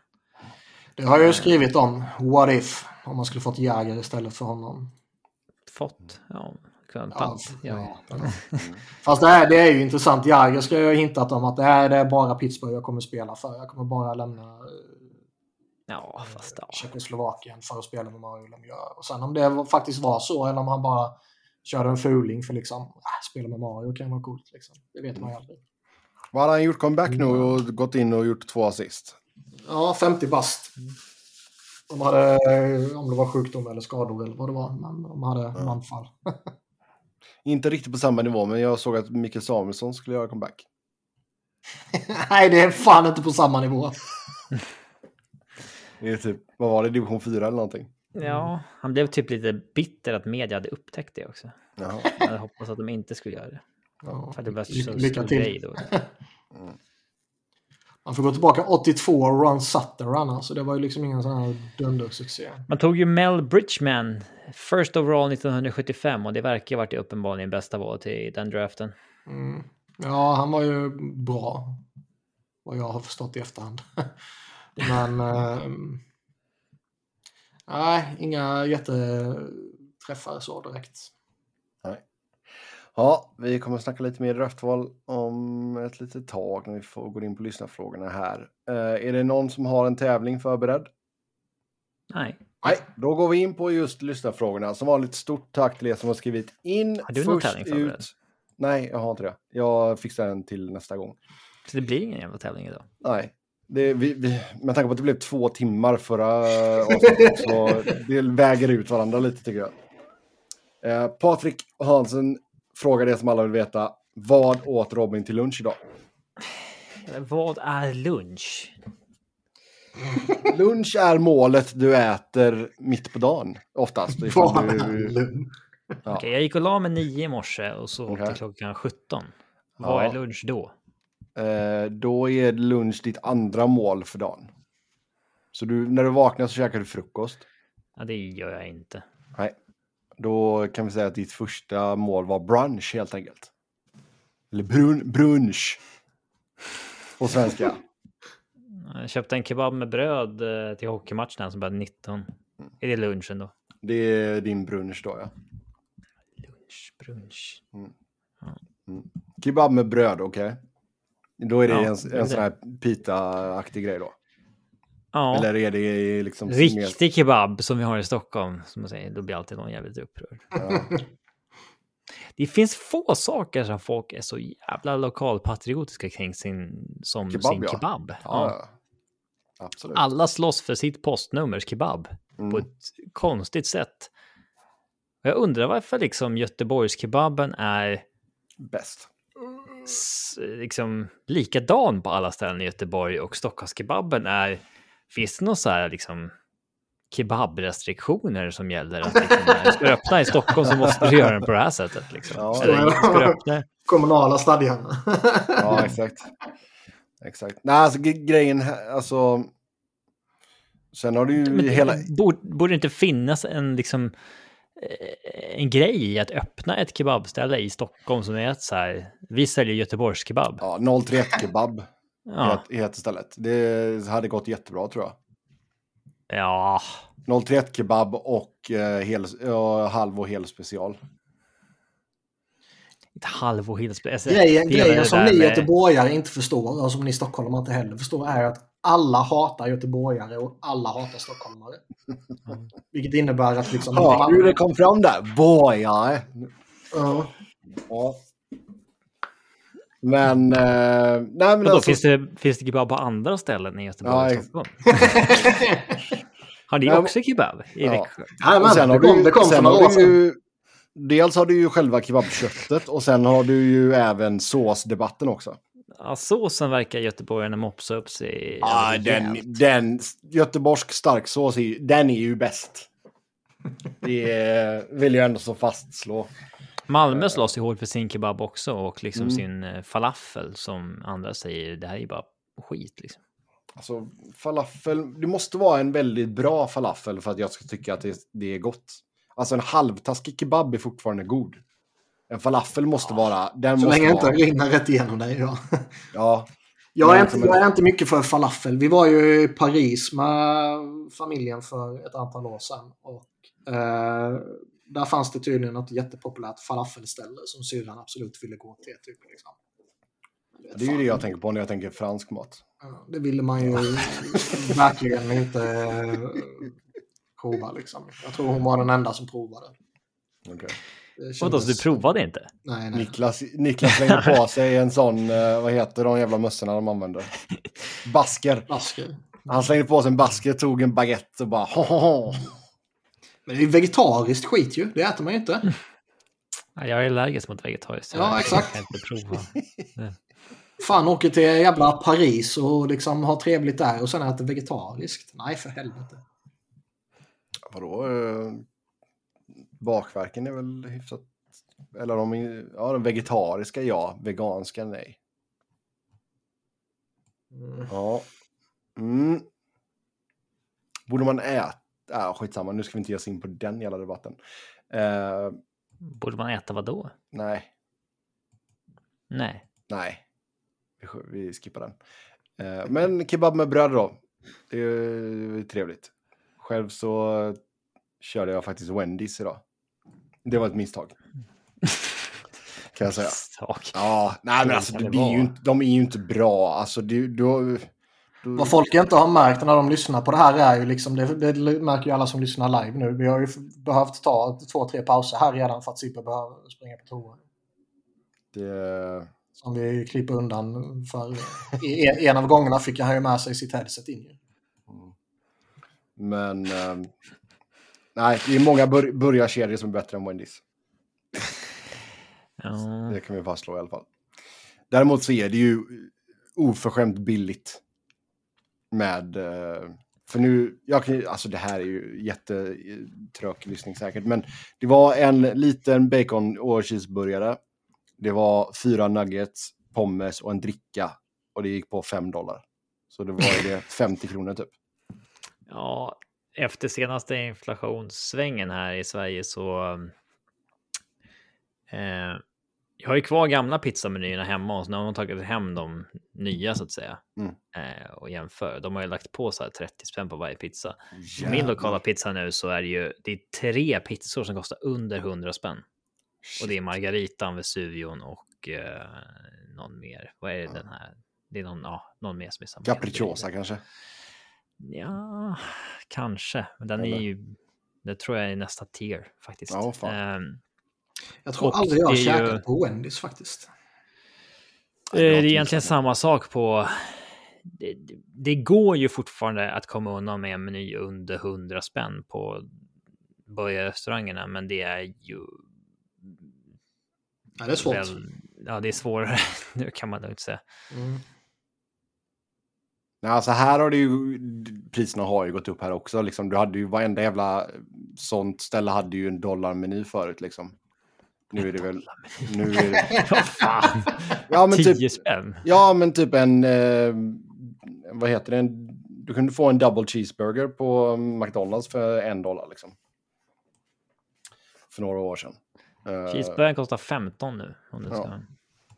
Så, eh, så är det med det i alla fall. Men eh, ja, vi går vidare.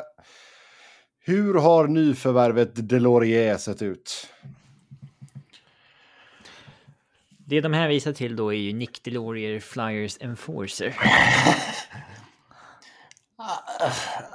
Alltså han, eh, han gör ju sitt jobb. Nu var det väl en vecka sedan jag kollade, men när jag kollade då så hade han ju gått flest eh, fighter. Ja, det är malligt. Hockeyfights.com. Vad är grejen med att D'Angelo sitter hemma på grund av personliga skäl? Eh, Jag läste något om att hans mormor eller farmor var jättesjuk. Ja. Men om, eh, om det hänt något annat eh, vet man ju inte. Ja, han är fortfarande den som har fightats flest gånger, åtta gånger. Jag menar, han, poäng- alltså, han poäng gör... har det hjälpt dem med?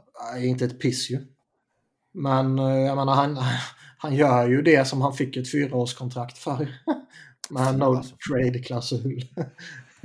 Ska vi ha någon form av running bet på när Rasmus Ristolainen gör sin första poäng för säsongen?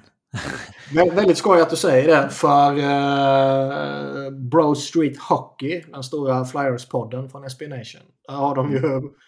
Jag kommer inte ihåg om det var denna veckan eller om det var förra veckans avsnitt. Där, då sa de liksom, två av dem som, som var med i den sa ju liksom att Nej, men den ena tror att eh, Rasmus Ristolainen kommer göra poäng först och den andra tror att Justin Bourne kommer göra poäng först. Liksom. Och sen så bettar han på det liksom.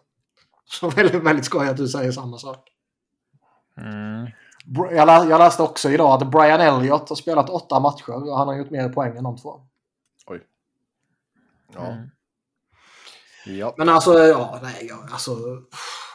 Ristolainen är ju så jävla... det är så obegripligt om man kunde signa honom till det kontraktet.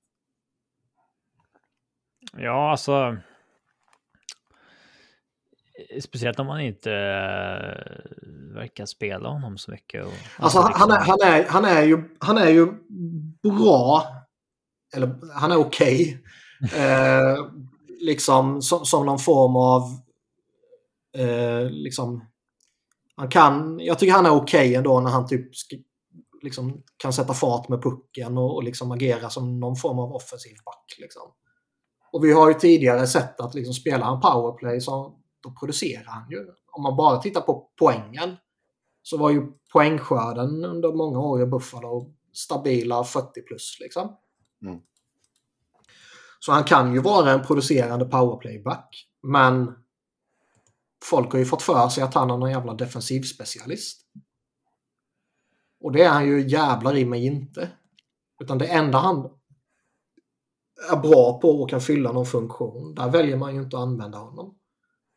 Och det finns ju vissa förklaringar till det. Tony D'Angelo kan man säga mycket om, men han är ju en duktig powerplayback liksom. Och eh, Ivan Provorov och, och Travis Sunheim vill man väl också spela powerplay liksom. Så det kan ju vara att han bara faller bort i någon form av numbers game. Men det är ju ändå jävla konstigt alltså. Det, det, det är fortfarande helt obegripligt att Chuck Fletcher har kvar jobbet. Han kan inte överleva den här säsongen också. Mm. Problemet är väl att han kommer väl få bossa för dem över typ trade deadline och sen så kanske draften och sen så kickas han i sommar i så fall för att han fuckar upp igen. Eh, nej, äh, sorglig jävla skitorganisation här. Mm. Vi går vidare. Eh, vad tror ni om Sabres hade vunnit draftlotteriet 2015 och fått McDavid istället för Eichel? Hade Sabres då varit i slutspel minst en gång med Connor samt hade Eichel inte varit kvar i Edmonton idag? Frågetecken. Connor McDavid skulle inte spelat hockey idag. um... Han skulle slutat på grund av misär. Nej, men jag, jag tror absolut att Buffalo hade tagit sig till slutspel minst en gång då, ja. Mm, vill jag instämma. Det känns ju som att de, de, de misskötte ju Jack Eichel rätt rejält. Men det känns ju också som att han kanske eh, eh försvårade det lite från sitt håll också. Mm. Och det känns väl som att McDavid eh, inte har varit samma eh, vad ska man säga, försvårande faktor för Edmonton som Jack Eichel gav intryck av att vara i Buffalo. Och båda organisationerna har varit grovt misskötta i många år, så jag menar det, det är ju ändå hyfsat, hyfsat jämförbara situationer ändå. Det är inte så att den ena kom in i kaos och den andra kom in i, i liksom en mönsterorganisation på uppgång. Men jag tror att McDavid, han har ju jättemycket mer i sig. Han skulle ju förmodligen tagit dem till slutspel vid något tillfälle. Och har man McDavid så tror jag han kan attrahera spelare på ett sätt som Jack Eichel inte kunde också.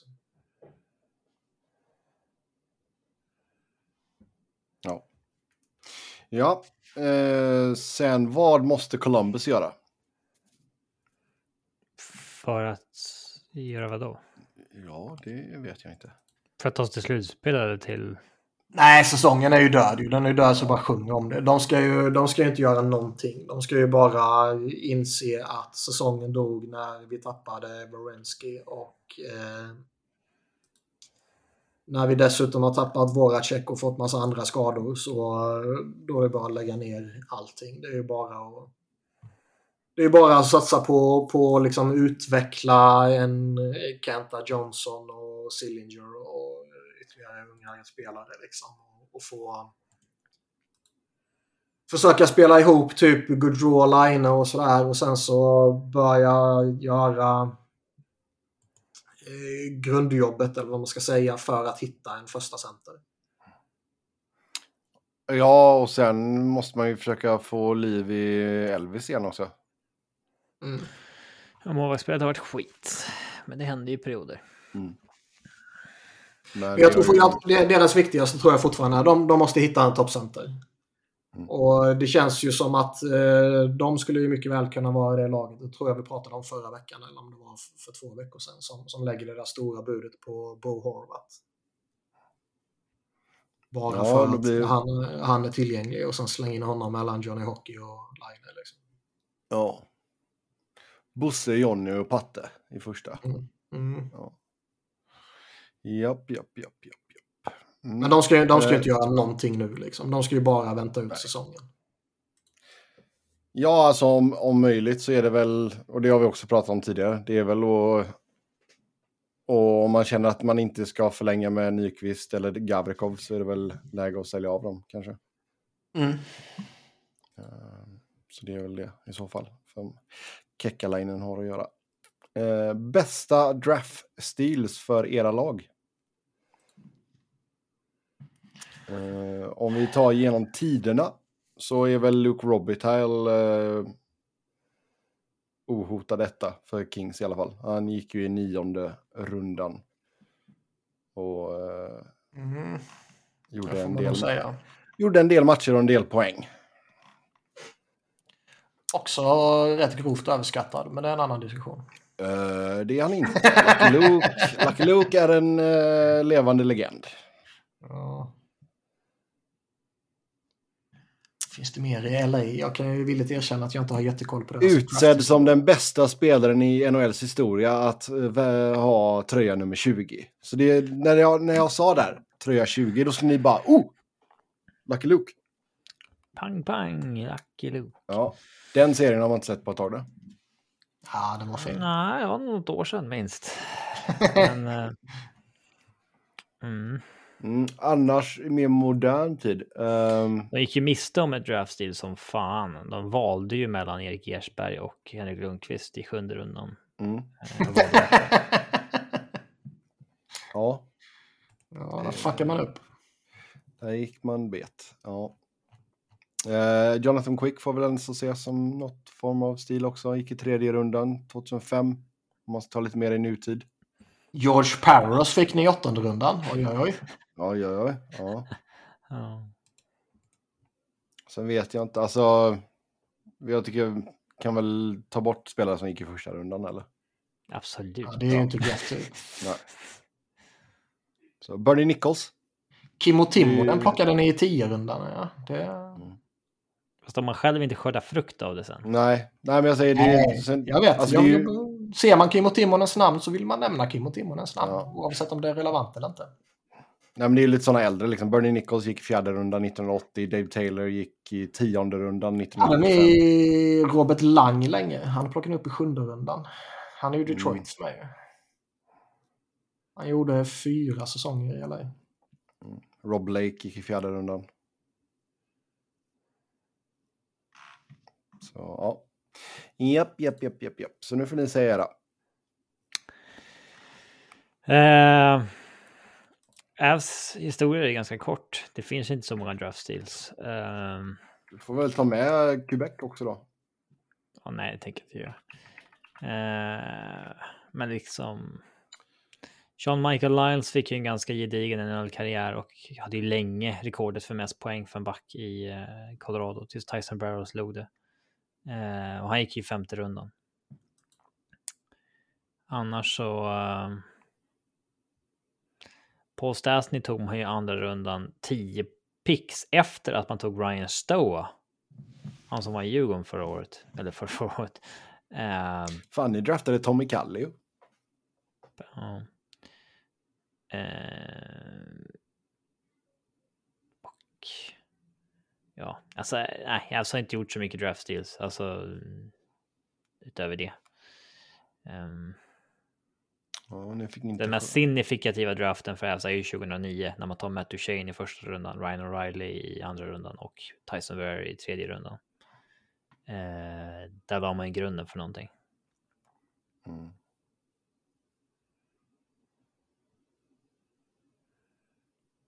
Sjukaste är väl att största draftsteget är väl Kel McCarr på fjärde. Pick, picket eh, egentligen. Hade ni inte tradat bort Samuel Paulsons eh, rättigheter så... Ja. Vi, jag, det, jag tror att det var i Ray... Det var i Ray Bork. Bork-traden, ja. Så det... eh, Det var ju surt, men man fick ändå Ja, någonting för det. ni så att fick någonting för det. exakt. Ja. Det var en del pusselbitar i den. Det var Paulson, Brian Rolston, Martin Grenier och ett första rundsval mot Dave Andrew, Chuck och Ray Bork.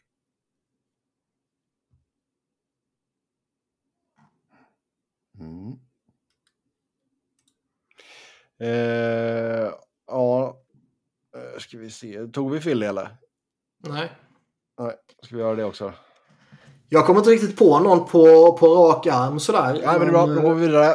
Eftersom Eh. vi konstaterade nyss att Flyers är väldigt dåliga på, på att drafta i toppen så har man bevisligen Best dålig på det. Flyers draft picks of all time. Men eh, när jag scrollar lite på EP så ser man ju till exempel att de plockade upp Rick Tocket i sjunde rundan. Pelle Eklund i åttonde rundan, båda 83. Därför har de ju ut bra spelare för dem. Liksom. Ron Hextall plockar man i sjätte rundan. Alltså det här är ju en jättetråkig lista som de har på Hockey Writers. Det är ju bara första rundsval. Ja, det får man ju alltid när man googlar Ja. best picks. Liksom. Ja. Sen är det liksom, ja, man plockade Bobby Clark i andra rundan liksom. Och det är ju jävla stil. Men räknas andra rundan liksom. Ja, alltså det är ju inte... Det är ju liksom inte Detroit som hade tog Zetterberg och Datsuk i sjunde. Mm. Som liksom ledde deras franchise i 15 år tillsammans. Det, det är ju något annat. Nej, exakt. Mm. Annars tycker jag Flyers har varit rätt vettiga i alla fall med, med lite senare picks i, i första rundan. Där, där har man varit rätt bra faktiskt. Men eh, högst upp i första rundan eller eh, sena fynd är det inte jättemycket av. Mm. Eh, ska vi se. Bland aktiva spelare. Dream Team för powerplay-uppställning. Och en för boxplay. Så då ska vi ta ut fem utespelare för PP-uppställningen och sen fyra spelare och en målvakt för boxplay. Ja, Claude Giroux, playmaker. Jag tänker vi går fyra forwards en back eller? ska vi enas om någonting? Fy fan vad jobbigt. Jag kan inte säga att jag har jättestarka känslor kring detta. Eh, Claude Giroux. som back Nej, så inte som back. jag- Som back skulle jag plocka Kill McCar. Jag vet inte om det finns någon som är vassare i just PP. Det Alltså, låter, Kyle McCarr låter jättebra.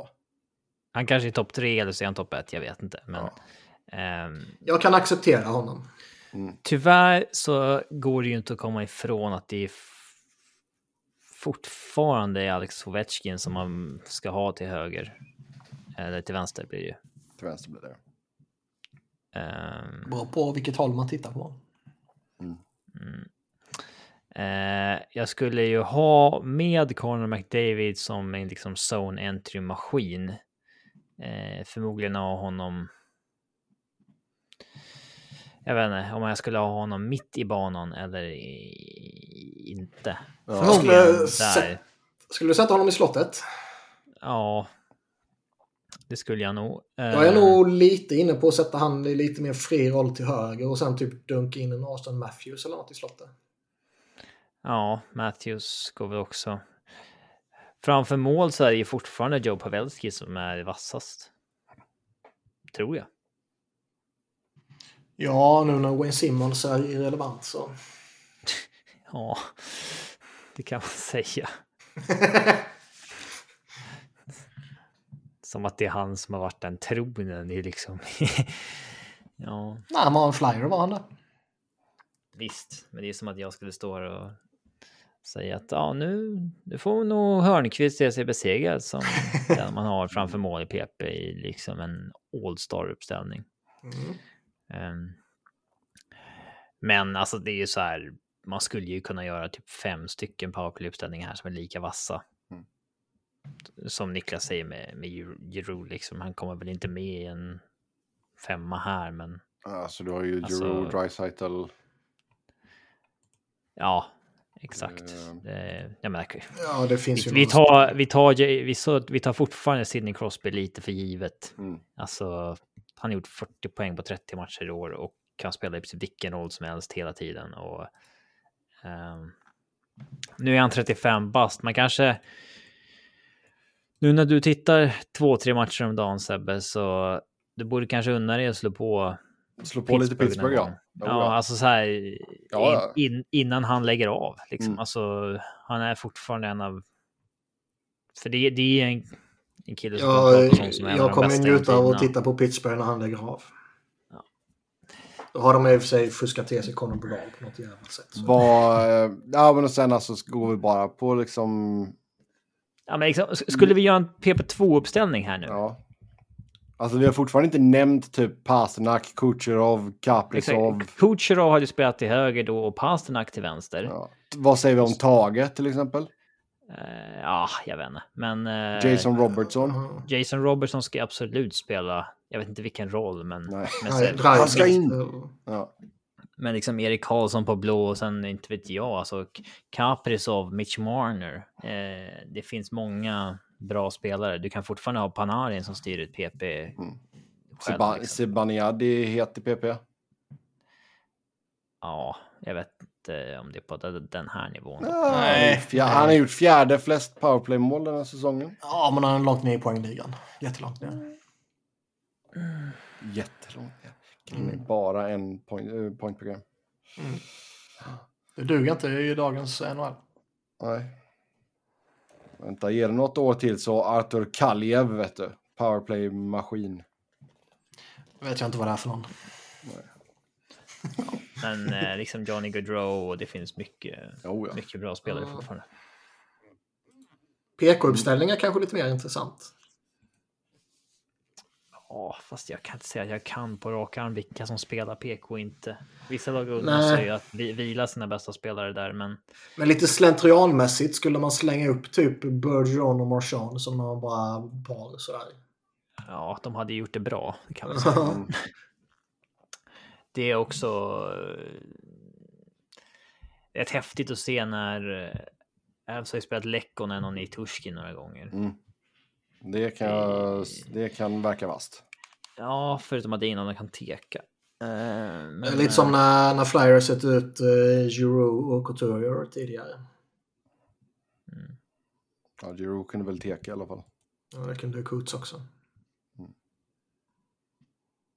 Men det är väl bara att låta en av backarna teka. Fanuff. Signa Fanuff. Han får bara komma in och ta tekningar. Det är också ett av den här poddens eh, märkligaste ögonblick när du eh, går hårt åt att Dion Phaneuf torskar en tekning. Phaneuf måste lära sig teka. ja. Han kommer inte behöva teka. Jag kommer inte ihåg, jag kommer inte ihåg, jag kommer inte ens ihåg situationen. Eller liksom, Ja. Nej, men det är ju, det är ju tre mot fem och så blir tekan bortplockad så Phaneuf får gå på teka. ja, just det. Och det var verkligen katastrof. Ja, det, Ja. ja. Ja, det var ju säkert, liksom inte, nej, men det var ju säkert hans första tekning någonsin i NHL. Typ. Ja, garanterat. Ja. Ja.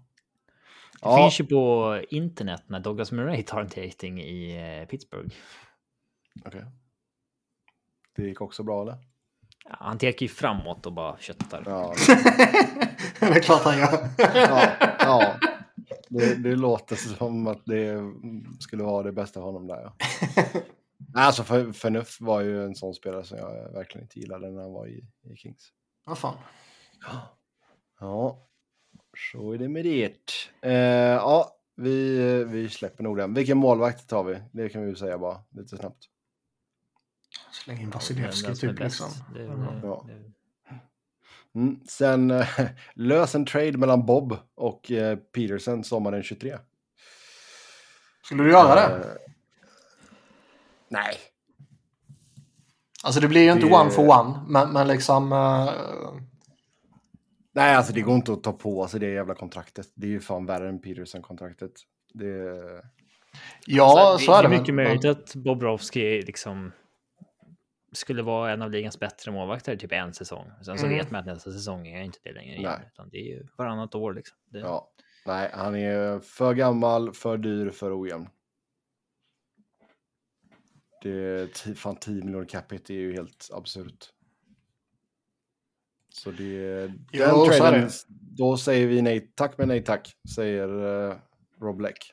Men för att respektera frågeställaren så Mm. om vi ska sätta ihop en trade. Ja. Uh, ska vi se. Vad Eh. behöver eh, LA kompensera med pengamässigt? För det är ju en faktor. Mm. Kempe. Det är en bra fråga. Nej, Kempe vill man ha kvar. Ja, men du måste ju uppgradera till Bob. Från Peterson. Mm. E follow typ. Alltså de får ju skicka, de får Quick och Peterson. Peterson. Fast i och för sig Quick, nej Quick. Skickar inget kontrakt till sommaren.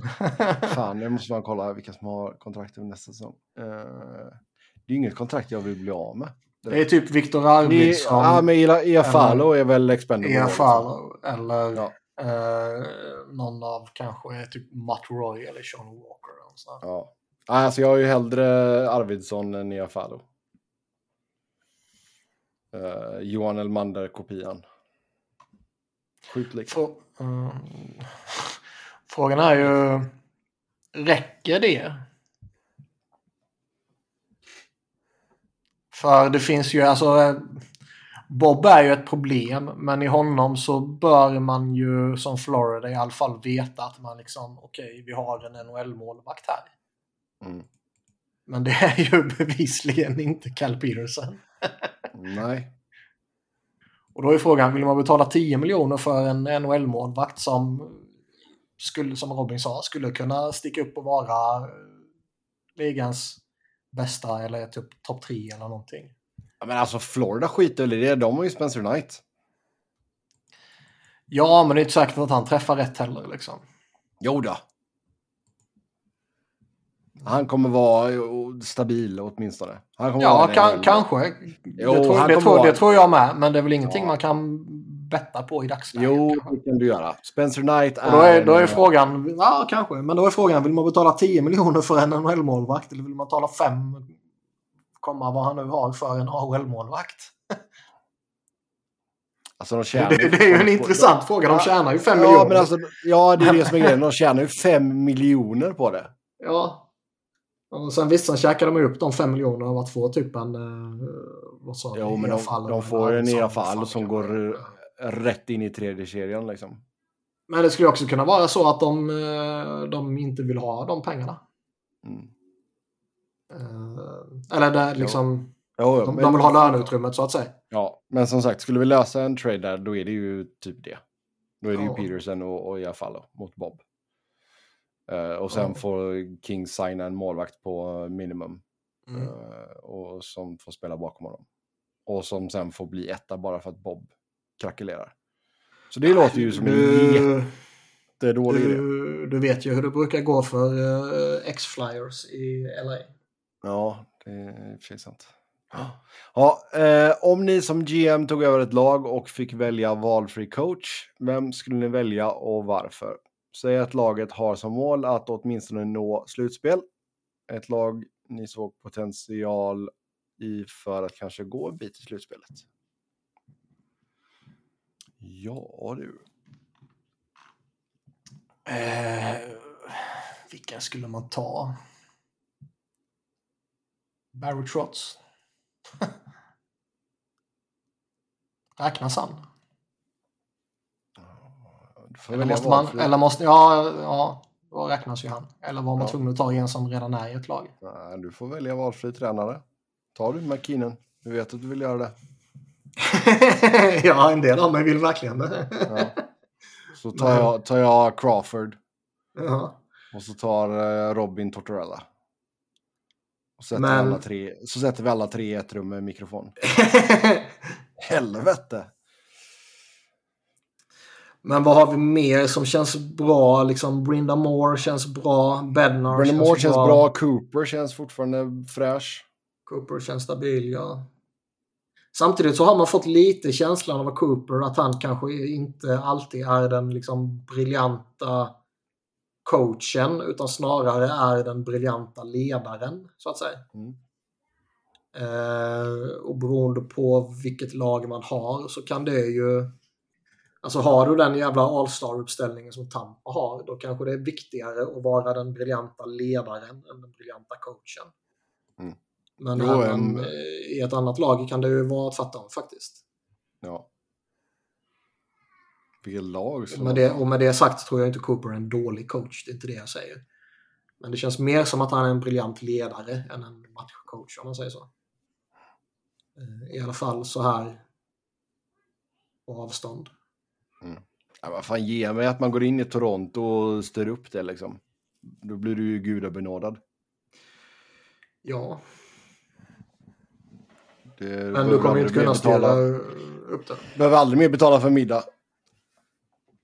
Och middag behöver man nog Det pröjsa vet för. jag inte om det där eh, om det är så verkligen. Ja, men det, jag tror mycket väl att gå- går man in på puben och du Ja, vill dricka ett par öl. då, då behöver du nog inte pröjsa. Men går du in på en restaurang och beställer käk för några hundra dollar, då får du nog pröjsa det.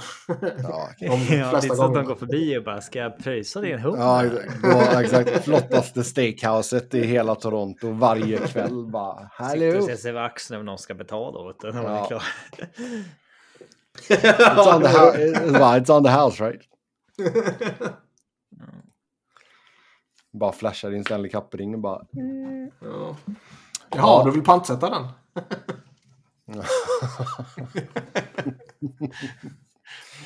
Japp.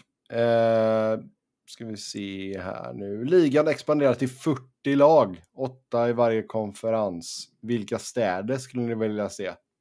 Ja, då är det fram med kartan gubbar.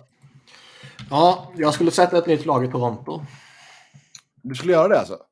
Bara för the LOLs. Okej. Alltså jag tror ju definitivt att de har publikunderlaget för det. Ja.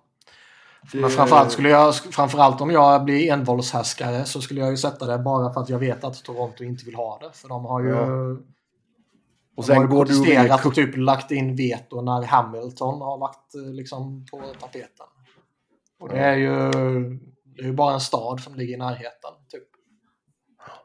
Du går och vinner kuppen före Toronto, eller Maple Leafs vinner igen. Ja.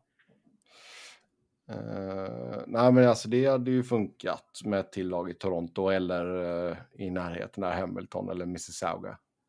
Mississauga. Ja. Ehm, Quebec skulle väl varit aktuellt. så det var ett lag, då har vi sju kvar. Mm, Quebec skulle vara aktuellt som sagt. Eh, ja.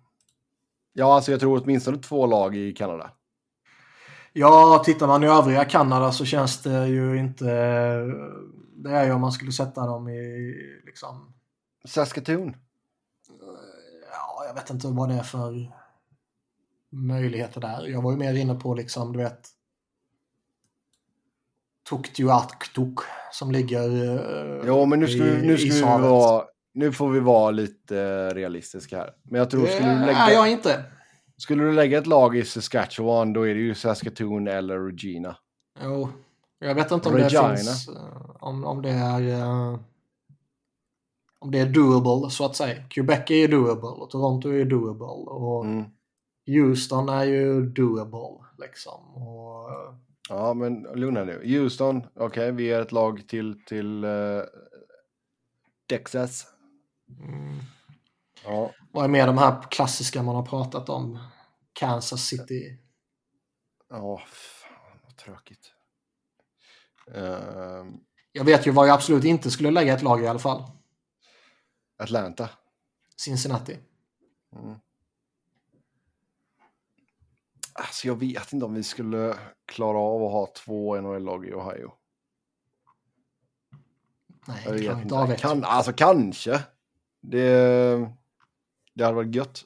Men fan, lägg ett lag i typ eh, Indianapolis eller Louisville.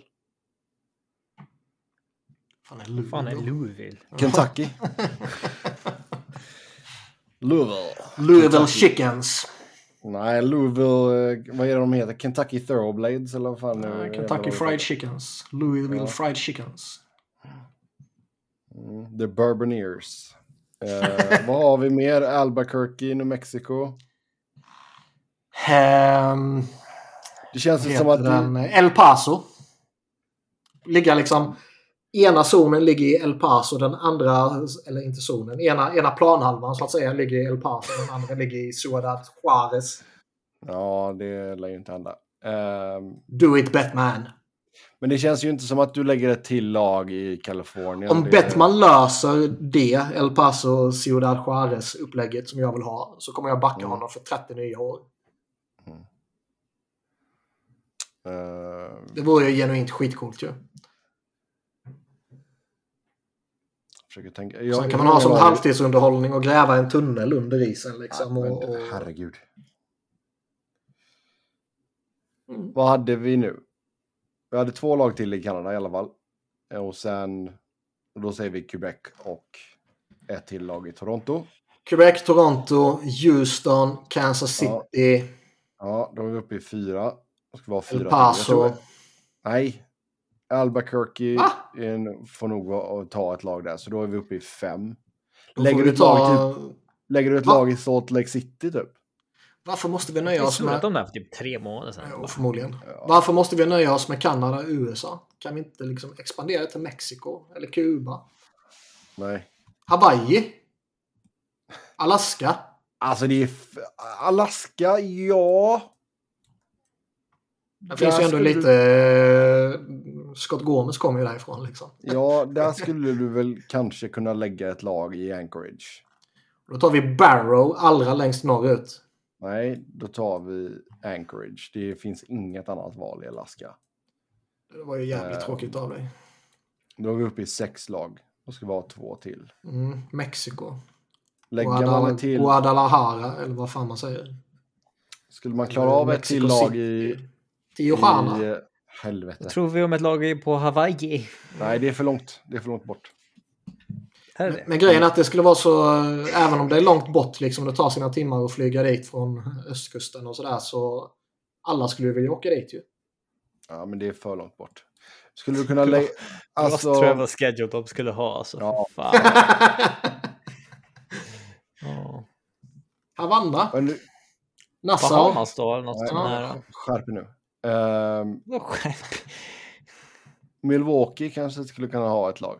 Kommer vi med liksom exotiska Ja, eh, så kommer jag Hawaii, med Milwaukee. Kuba och Bahamas. Så nu jävla Milwaukee.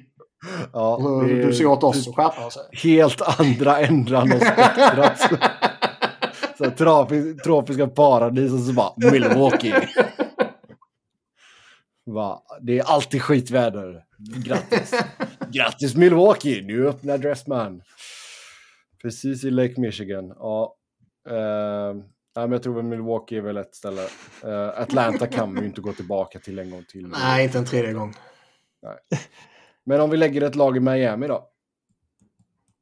Då kan du lika gärna lägga Bahamas. Ja. Ja. Nej, jag tycker vi tar Nassau. Nassau Pirates eller något sånt där. Lägga ett lag i Bermuda. Ja, det, ja, jag, jag försökte ta det ju seriöst, men eh, de... Vi kan, vi kan, ju, vi kan ju också, vi kan ju också lägga det på i Cockburn Town i Bahamas. Mm. Hur fan kom de på va? Den här vinstötta Cockburn? Vad i helvete? Bara, ja, ja, let's do it, let's do it man. Bara, ja. Mm. Ja. Det tycker jag vi Ehm, klubbar. Cockburn. Då måste ju Blackwood vara deras första spelare i expansionsdraften. Ja. Ehm, Jag tänkte vilken soppa den expansionsdraften Dick Ternström blir den andra svenska GMen. Ja. Ja. Eh, ja. Dick is the boss in Cockburn. eh, ja. Eh, ska vi se. Det det är objektivt Ja. skitskoj. Ja, nu går vi vidare. Eh, går rykten om att Kane vill stanna i Hawks. Vill höra era åsikter kring fördelarna för Chicago ifall han stannar. Ja. Ja, Det är väl fortfarande någon form av attraktionskraft i det. Mm. För spelare som vill spela med Kane och... Eh, åh. Säljer väl tröjor och ett... Alltså laget blir ju inte anonymt så länge en sån stjärna är där. Liksom. Nej. Men eh, Alltså, du, Det ja. det är långsiktigt för dem att få någonting bra utbyte för dem. Mm. Det gick ju något snack och jag har för mig det var Elliot Friedman som, som bloggade om det att han typ eh, nej, men eventuellt vill han stanna och liksom ta sikte på Stan Mikitas rekord. Typ. Och antalet matcher och poäng var det väl. Alltså det, är- du har ju som sagt, det är ju, det är ju en sån spelare som, som får folk i stolarna så att säga. Jo, men tar, tar man liksom franchise all time point så är Stan Makita 1467, Patrick Kane 1201. Så det är ändå 250 poäng som han ska ta igen. Ja, det är några år till då. Det är rätt mycket ändå. Och han... Eh, alltså... Det är ju inte så att han visar tecken på att ta slut direkt liksom. Men eh, med tanke på vilken riktning Chicago är på väg i. Ja, Eh, om man nu inte skulle landa Connor Bedard till sommaren. Så, så eh, det är ju inte helt uppenbart att han bara kommer ligga på 90 poäng i flera år framöver. Nej, men sen, alltså, jag tycker vi har ändå sett en tydlig trend, alltså Chicago eh, trendat neråt som lag och publiksnittet har ju gått därefter. Alltså förra säsongen, eller 1920, då hade du 21 441 i snitt. När vi kom tillbaka och spelade på riktigt 21-22, då hade man 18 490. Och så här långt den här säsongen så är du nere på strax under 16 000. Eh, De har ju haft lite andra problem också som kanske har påverkat. Oh ja. Oh ja. Men eh, skulle Kane och Taves försvinna så eh, gör ju inte det, det gör ju inte saken enklare att fylla. Nej, men alltså man må- alltså för organisationens Alltså, jag tänk- jag framtid Tänk bara så... på det rent affärsmässigt. Det, För organisationens framtid måste man ju trada dem. ja. Eh, båda två. Alltså det är antingen Men i synnerhet gå- Kane kommer ju ge bra utbyte. Jag tror man kommer få något bra för Taves bara baserat på liksom, hans rykte. Mm. Sen Kane kommer ju få något jävligt bra för baserat på hans rykte och hans faktiska prestationer. För han är ju fortfarande jätteduktig. Mm. Eh, Alltså, sen är det klart att visst, du kanske skulle kunna behålla båda två, men jag menar, då får ju båda gå ner kraftigt i lön. Så Ja, jag tycker får- alltså, ja. Jag tycker det, det finns väl, det finns väl, som vi har varit inne på, så finns det ju... Man kan ju argumentera varför man ska behålla Patrick Kane. Men Toews är ju...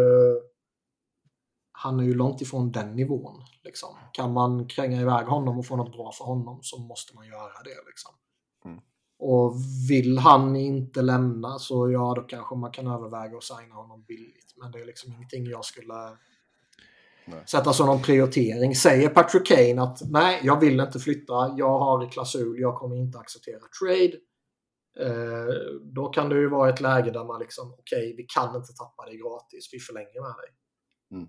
Men jag tycker ju inte att Toews är på en nivå som man liksom inte kan tappa honom utan ersättning. Ja, men sen, alltså, jag tycker liksom, det, vi har pratat en del Chicago innan, liksom, men det, det känns ju som att det är väldigt konstiga beslut de tog med att skicka DeBrincat, skicka Kirby Duck. Eh, du har ett lag som är en väldigt konstig ålder. De är liksom lite så här smyggamla det här laget. Eh, Ja, men de, är- de gick väl in i en rebuild helt enkelt. ja, Ja, ett år efter att de satsade. ja, Ja, liksom det var en ny ledning liksom. Jo, jag- det vet jag, men det är ju ändå anmärkningsvärt. de är i en väldigt konstig situation här där de verkligen måste bygga upp talangpoolen från, kanske inte noll, men den behöver ju fyllas på rejält. Det är, Ja, Nej, men så är det. de- Och, och de har gjort ett bra jobb på Horida Pix ju. Det har vi pratat om också. ja, Ja, men nu har de många veteraner på korta kontrakt som de kan trada. Så Mm. det är väl enligt plan, eller? ja. Ja, det här laget kommer nog se väldigt, väldigt annorlunda ut inom relativt kort tid. Det är bara Seth Jones som kommer vara kvar. Det jävla Ja. kontraktet. Ja. Japp, Ja, japp, man japp. måste ju ha ett lag så att det är väl bara... Mm. Alltså man måste ju ice ett team så att säga. Ja, men kan Colorado ställa upp med ett AHL-lag så kan väl Chicago göra det. Oh. Ja, eh, ja. Tror ni att det är en dålig era för målvakter nu eller är det något annat som gör att andelen mål har ökat så drastiskt? Personligen tror jag att McDavid förändrade sporten när han kom in i ligan till att bli mer offensiv och kreativ. Inte att målvakterna är så mycket sämre idag än cirka 2014. Eh, Det är väl mest i år vi har en trend av att det är mycket mål, va? Nej, det gick upp redan förra året tror jag. Vill Jag har för mig att det varit lite ökande, ja. Mm. Men eh, jag tror väl det har att göra med liksom att för varje år som går så blir det ju skickligare och skickligare spelare. Inte bara att toppspelarna blir bättre utan spelarna i, i ligan i stort. Det, det är ju... Vi har ju kommit till ett läge nu där liksom goons och liknande är ju mer eller mindre helt utraderade. Och det känns som att även de dåliga spelarna blir bättre. Liksom. Ja, alltså det var, det var väl lite, jag kommer inte ihåg, det var nog ganska många år sedan vi, vi pratade om detta. Men liksom när det, när det var expansion på tapeten och sådär och vi kände att fan, blir det inte lite väl många lag, det blir lite för mycket spelare, det blir, kanske blir lite ur, urvattnat. Jag tycker fortfarande det finns för många lag, det har jag sagt tidigare. Men, men eh, jag tror inte de kommer fimpa lag. Nej, nej men alltså det, det känns inte som att liksom spelarpoolen i stort har liksom ur, urvattnats, trots att vi är uppe i 32 lag. Utan som, som, som du säger Niklas, att det, spelarna har blivit bättre och bättre överlag sett, även de som är längre ner i kedjorna. Ehm, så Sen tror, jag, ju- ja, sen, sen tror jag att det ligger ju nog någonting i att McDavid på något sätt har varit någon form av pionjär. Liksom. Ja, absolut. Och, och jag tror väl också att den, den nya generationen som kommit fram är ju mer eh, liksom vad ska man säga? Eh, som har kommit in efter honom, för han är ju faktiskt en veteran numera. Mm. Men har liksom, alltså Seagrass och alla de här, de, de har ju också inspirerats av honom på något sätt. Mm.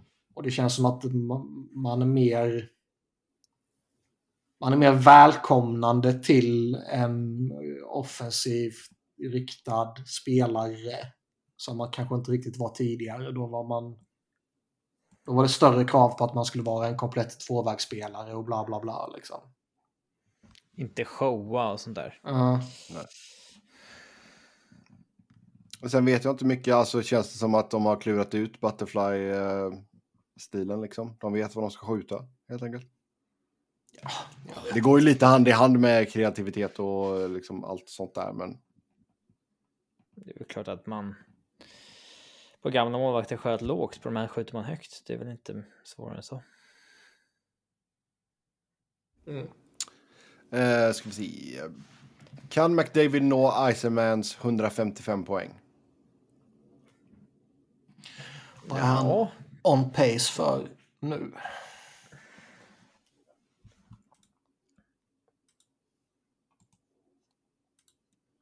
Ja mer.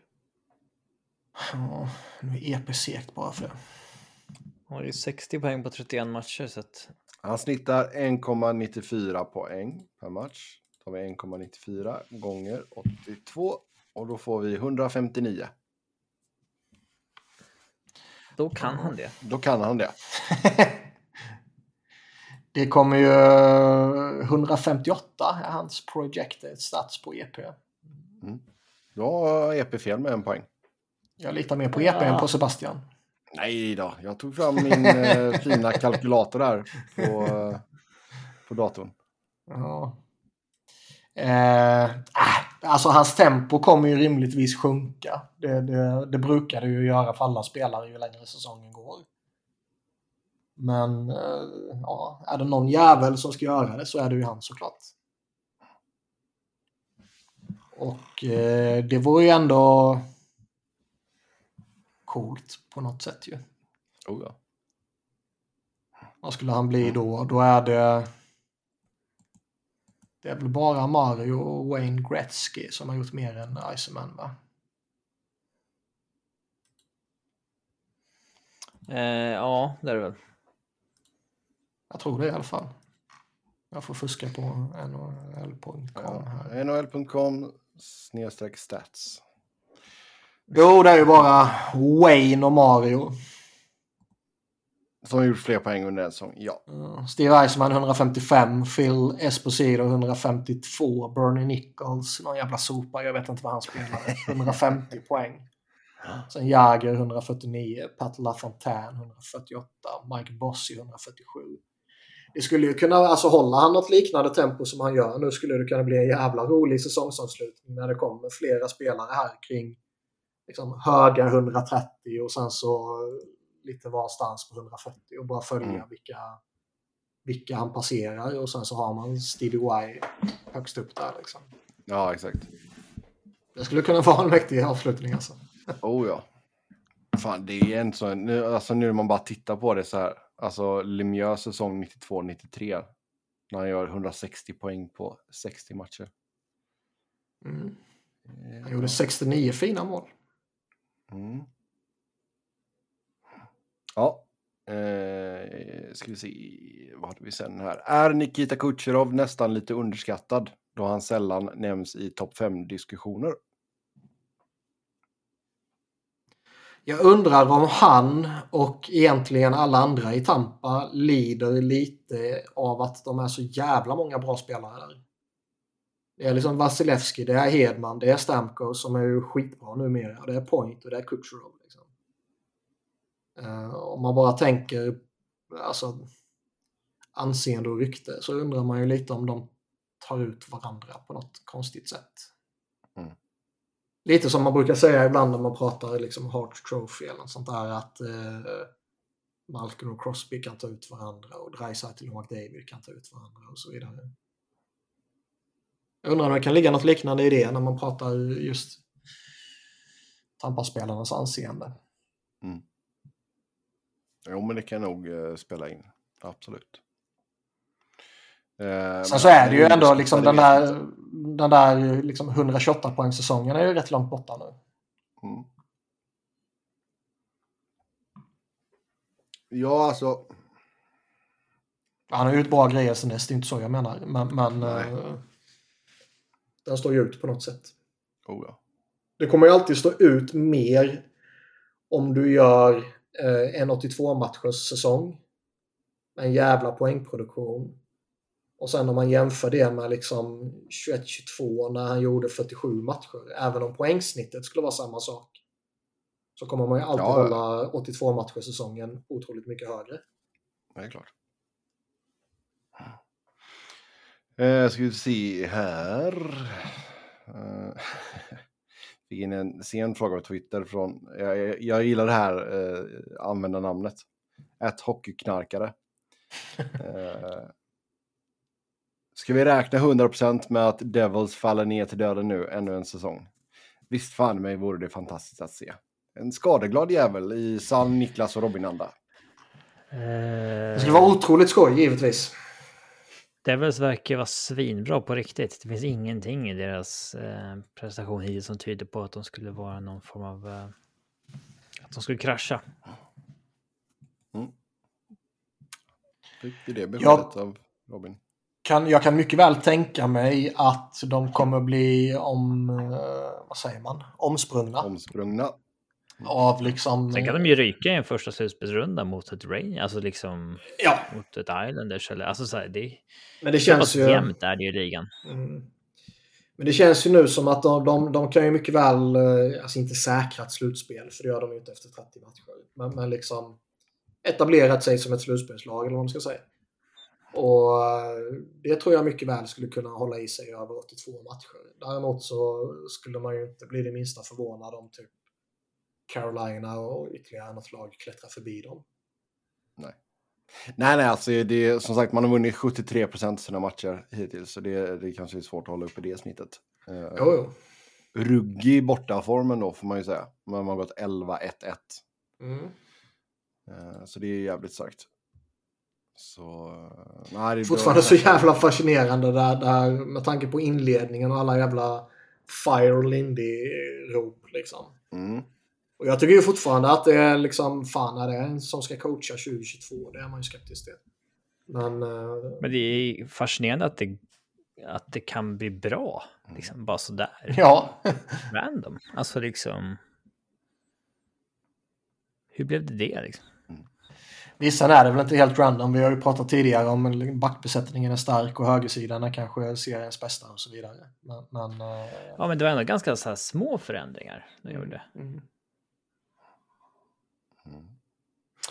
Ja, eh, sen Fedorov upp i taket i Detroit? Frågetecken. Bara för the look borde räcka. Hans jävla porrblick kan ju få vem som helst att bli gravid ju.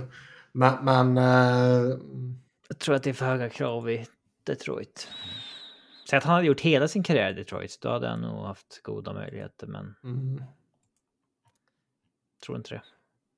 man undrar ju också i, i dagsläget, men det kanske man bara har med europeiska ögon, om man liksom skulle kunna hissa en ryss.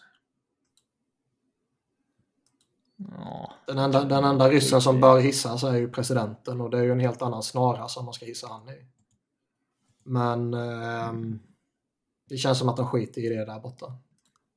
Jag har faktiskt ingen koll på Fedorov hur, hur, om han har liksom eh, om han är en Ovechkin eller om han är tyst så att säga.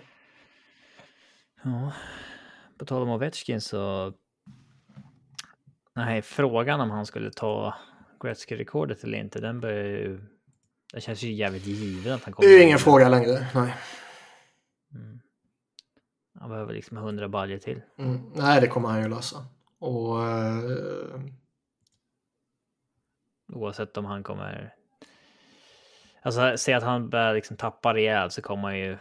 Han kommer ju spela vidare så länge det krävs för att det ska komma Mm. över bumpen så att säga. Ja, han har ju sitt kontrakt så det kommer och jag menar skulle, skulle han falla av utför klippan och, och liksom inte kunna göra sina mål på resten på det här kontraktet, vilket känns jävligt osannolikt, men bara lek med tanken, så kommer han ju fortsätta spela till han gör det. Mm. Eh, vi kan väl ta den. Det var någon som frågade om vi skulle prata om Ovechkins 800 mål. Inte alla målen. Men det är... Ja, nu har han gjort 800 i alla fall. Så... Eh, ett poäng för att gå upp på delad andra plats med Gordie Howe. Och sen då så är det 94 upp till Gretzky. 95 för att slå honom. Jag ville ju aldrig att han skulle ta rekordet. Det, redan innan han eh, liksom, det blev, sattes på sin spets med eh, liksom, invasionen och allt vad det innebär i, i Ovechkin-kontext. Liksom. Mm. Eh, och det vet ni ju, det har jag ju sagt att jag vill ju att Gretzky ska behålla rekordet. Nu vill man det ju ännu mer ju och därför är det ju eh, ännu lite mer knäckande eftersom det ja, framstår som en självklarhet att han kommer slå det. Mm. Och eh, det är också uppenbart att det är eh, väldigt, väldigt få borta i Nordamerika som eh, typ bryr sig eller ens är medvetna om eh, varför Alexander Ovechkin är lite problematisk numera. Oh, ja. Så jag Ja, alltså, själv, jag har det- absolut inget behov av att uppmärksamma honom eller hylla honom eller sånt där utan det är, eh, det är det är en förkastlig eh, snubbe. Vi konstaterar bara att han har kommit upp i 800 mål. Med andra ord då. Ehm, Fredrik Olausson är ganska bortglömd bland svenska NHL-backar. Vart rankar ni honom bland svenska backar genom tiderna? Uh, tar vi en snabb titt på antal spelade matcher. Då är ju Olausson femma på listan med 1022 matcher. Jag skulle säga att ganska bortglömd är en jävla underdrift. Eh, jag skulle säga att han är helt bortglömd. Mm. Eller? Ja. Och eh, jag vet inte, jag har ingen riktig bild av honom. Men alltså...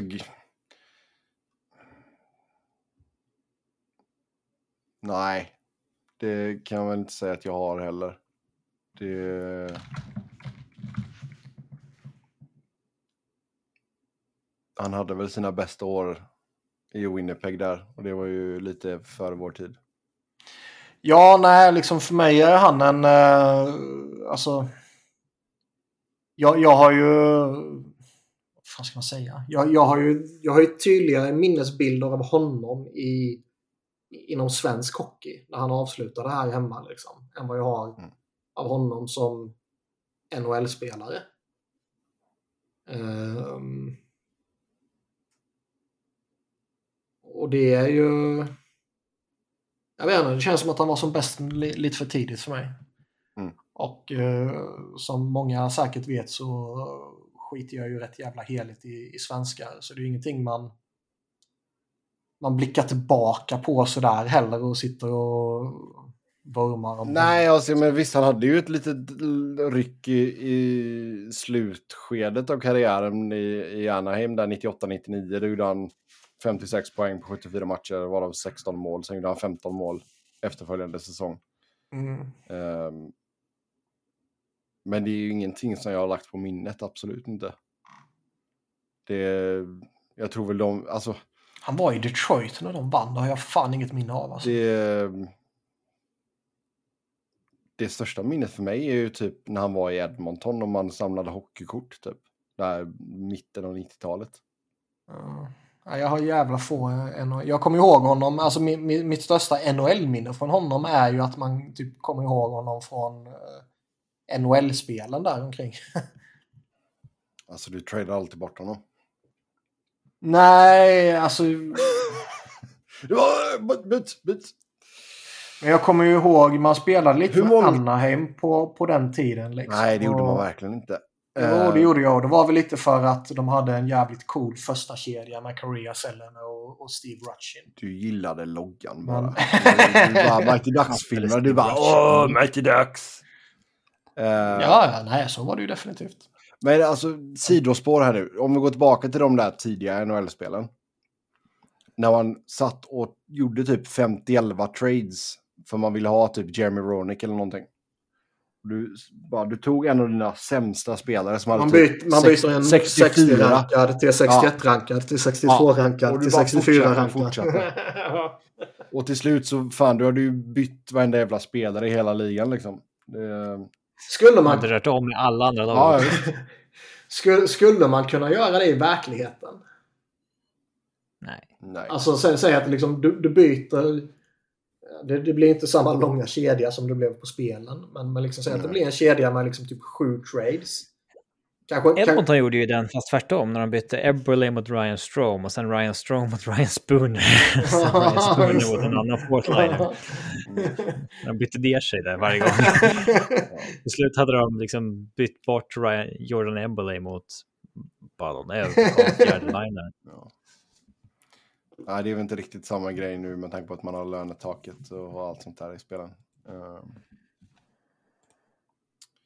det var ett tag sedan jag spelade. Jag kommer inte ihåg vilket. Jag, var- mm, vilket eh, år var Subban på omslaget?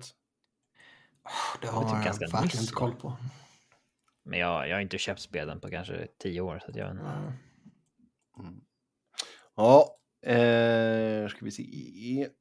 Ska vi ta en till eller? Ja. Mm. Vilket lag vinner Stanley Cup 22, säsongen 22-23? Om man skulle gissa idag. Ja, ja, ja, vi får gissa idag. Inte Philadelphia.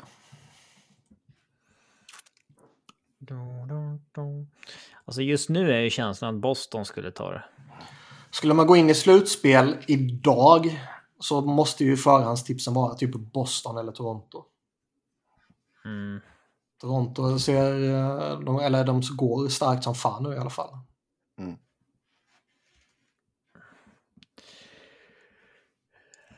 Ska man blicka fram mot våren så Boston känns absolut aktuella. Man bör väl kunna säga Toronto också även om det kommer att sluta med att de ryker i första rundan. Ja, alltså det är ju svårt att säga Toronto innan de har motbevisat oss. Eh, Ja men typ. och historien. Det, Sen är det ju lite, man, man kan ju liksom, man måste ju säga Tampa och Colorado. Lurar ju vassen bägge två. ja, jag menar liksom Toronto, eller vad säger jag, Colorado håller sig ändå så flytande nu trots en jävla massa skador och sådär. Liksom, blir de hela igen så absolut.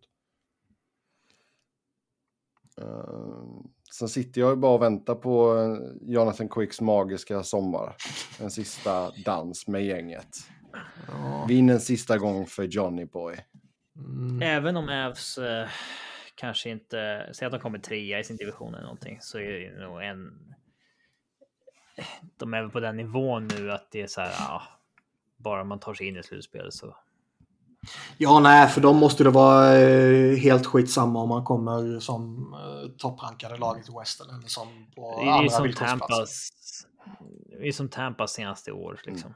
Mm. Det är ingen som har brytt sig om vart de, hur de tog sig in i slutspelet egentligen. Nej. Alltså, i fjol kom ju de trea i Atlantic. Liksom. Mm. Det var ingen som tänkte att ah, oj, oj, oj.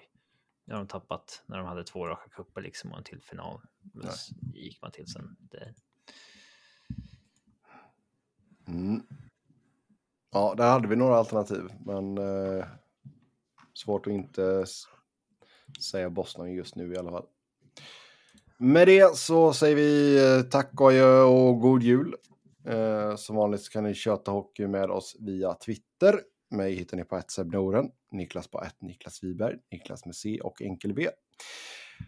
Robin på R underscore Fredriksson, podden på SV Fans NHL-podd, podd med ett D. Så till... Spelar in på julafton eller? Sen? Nej, det blir ingen julpodd i år. Eh, utan vi hörs i mellandagarna antagligen. Tills dess, god jul på er, ha det gött, hej!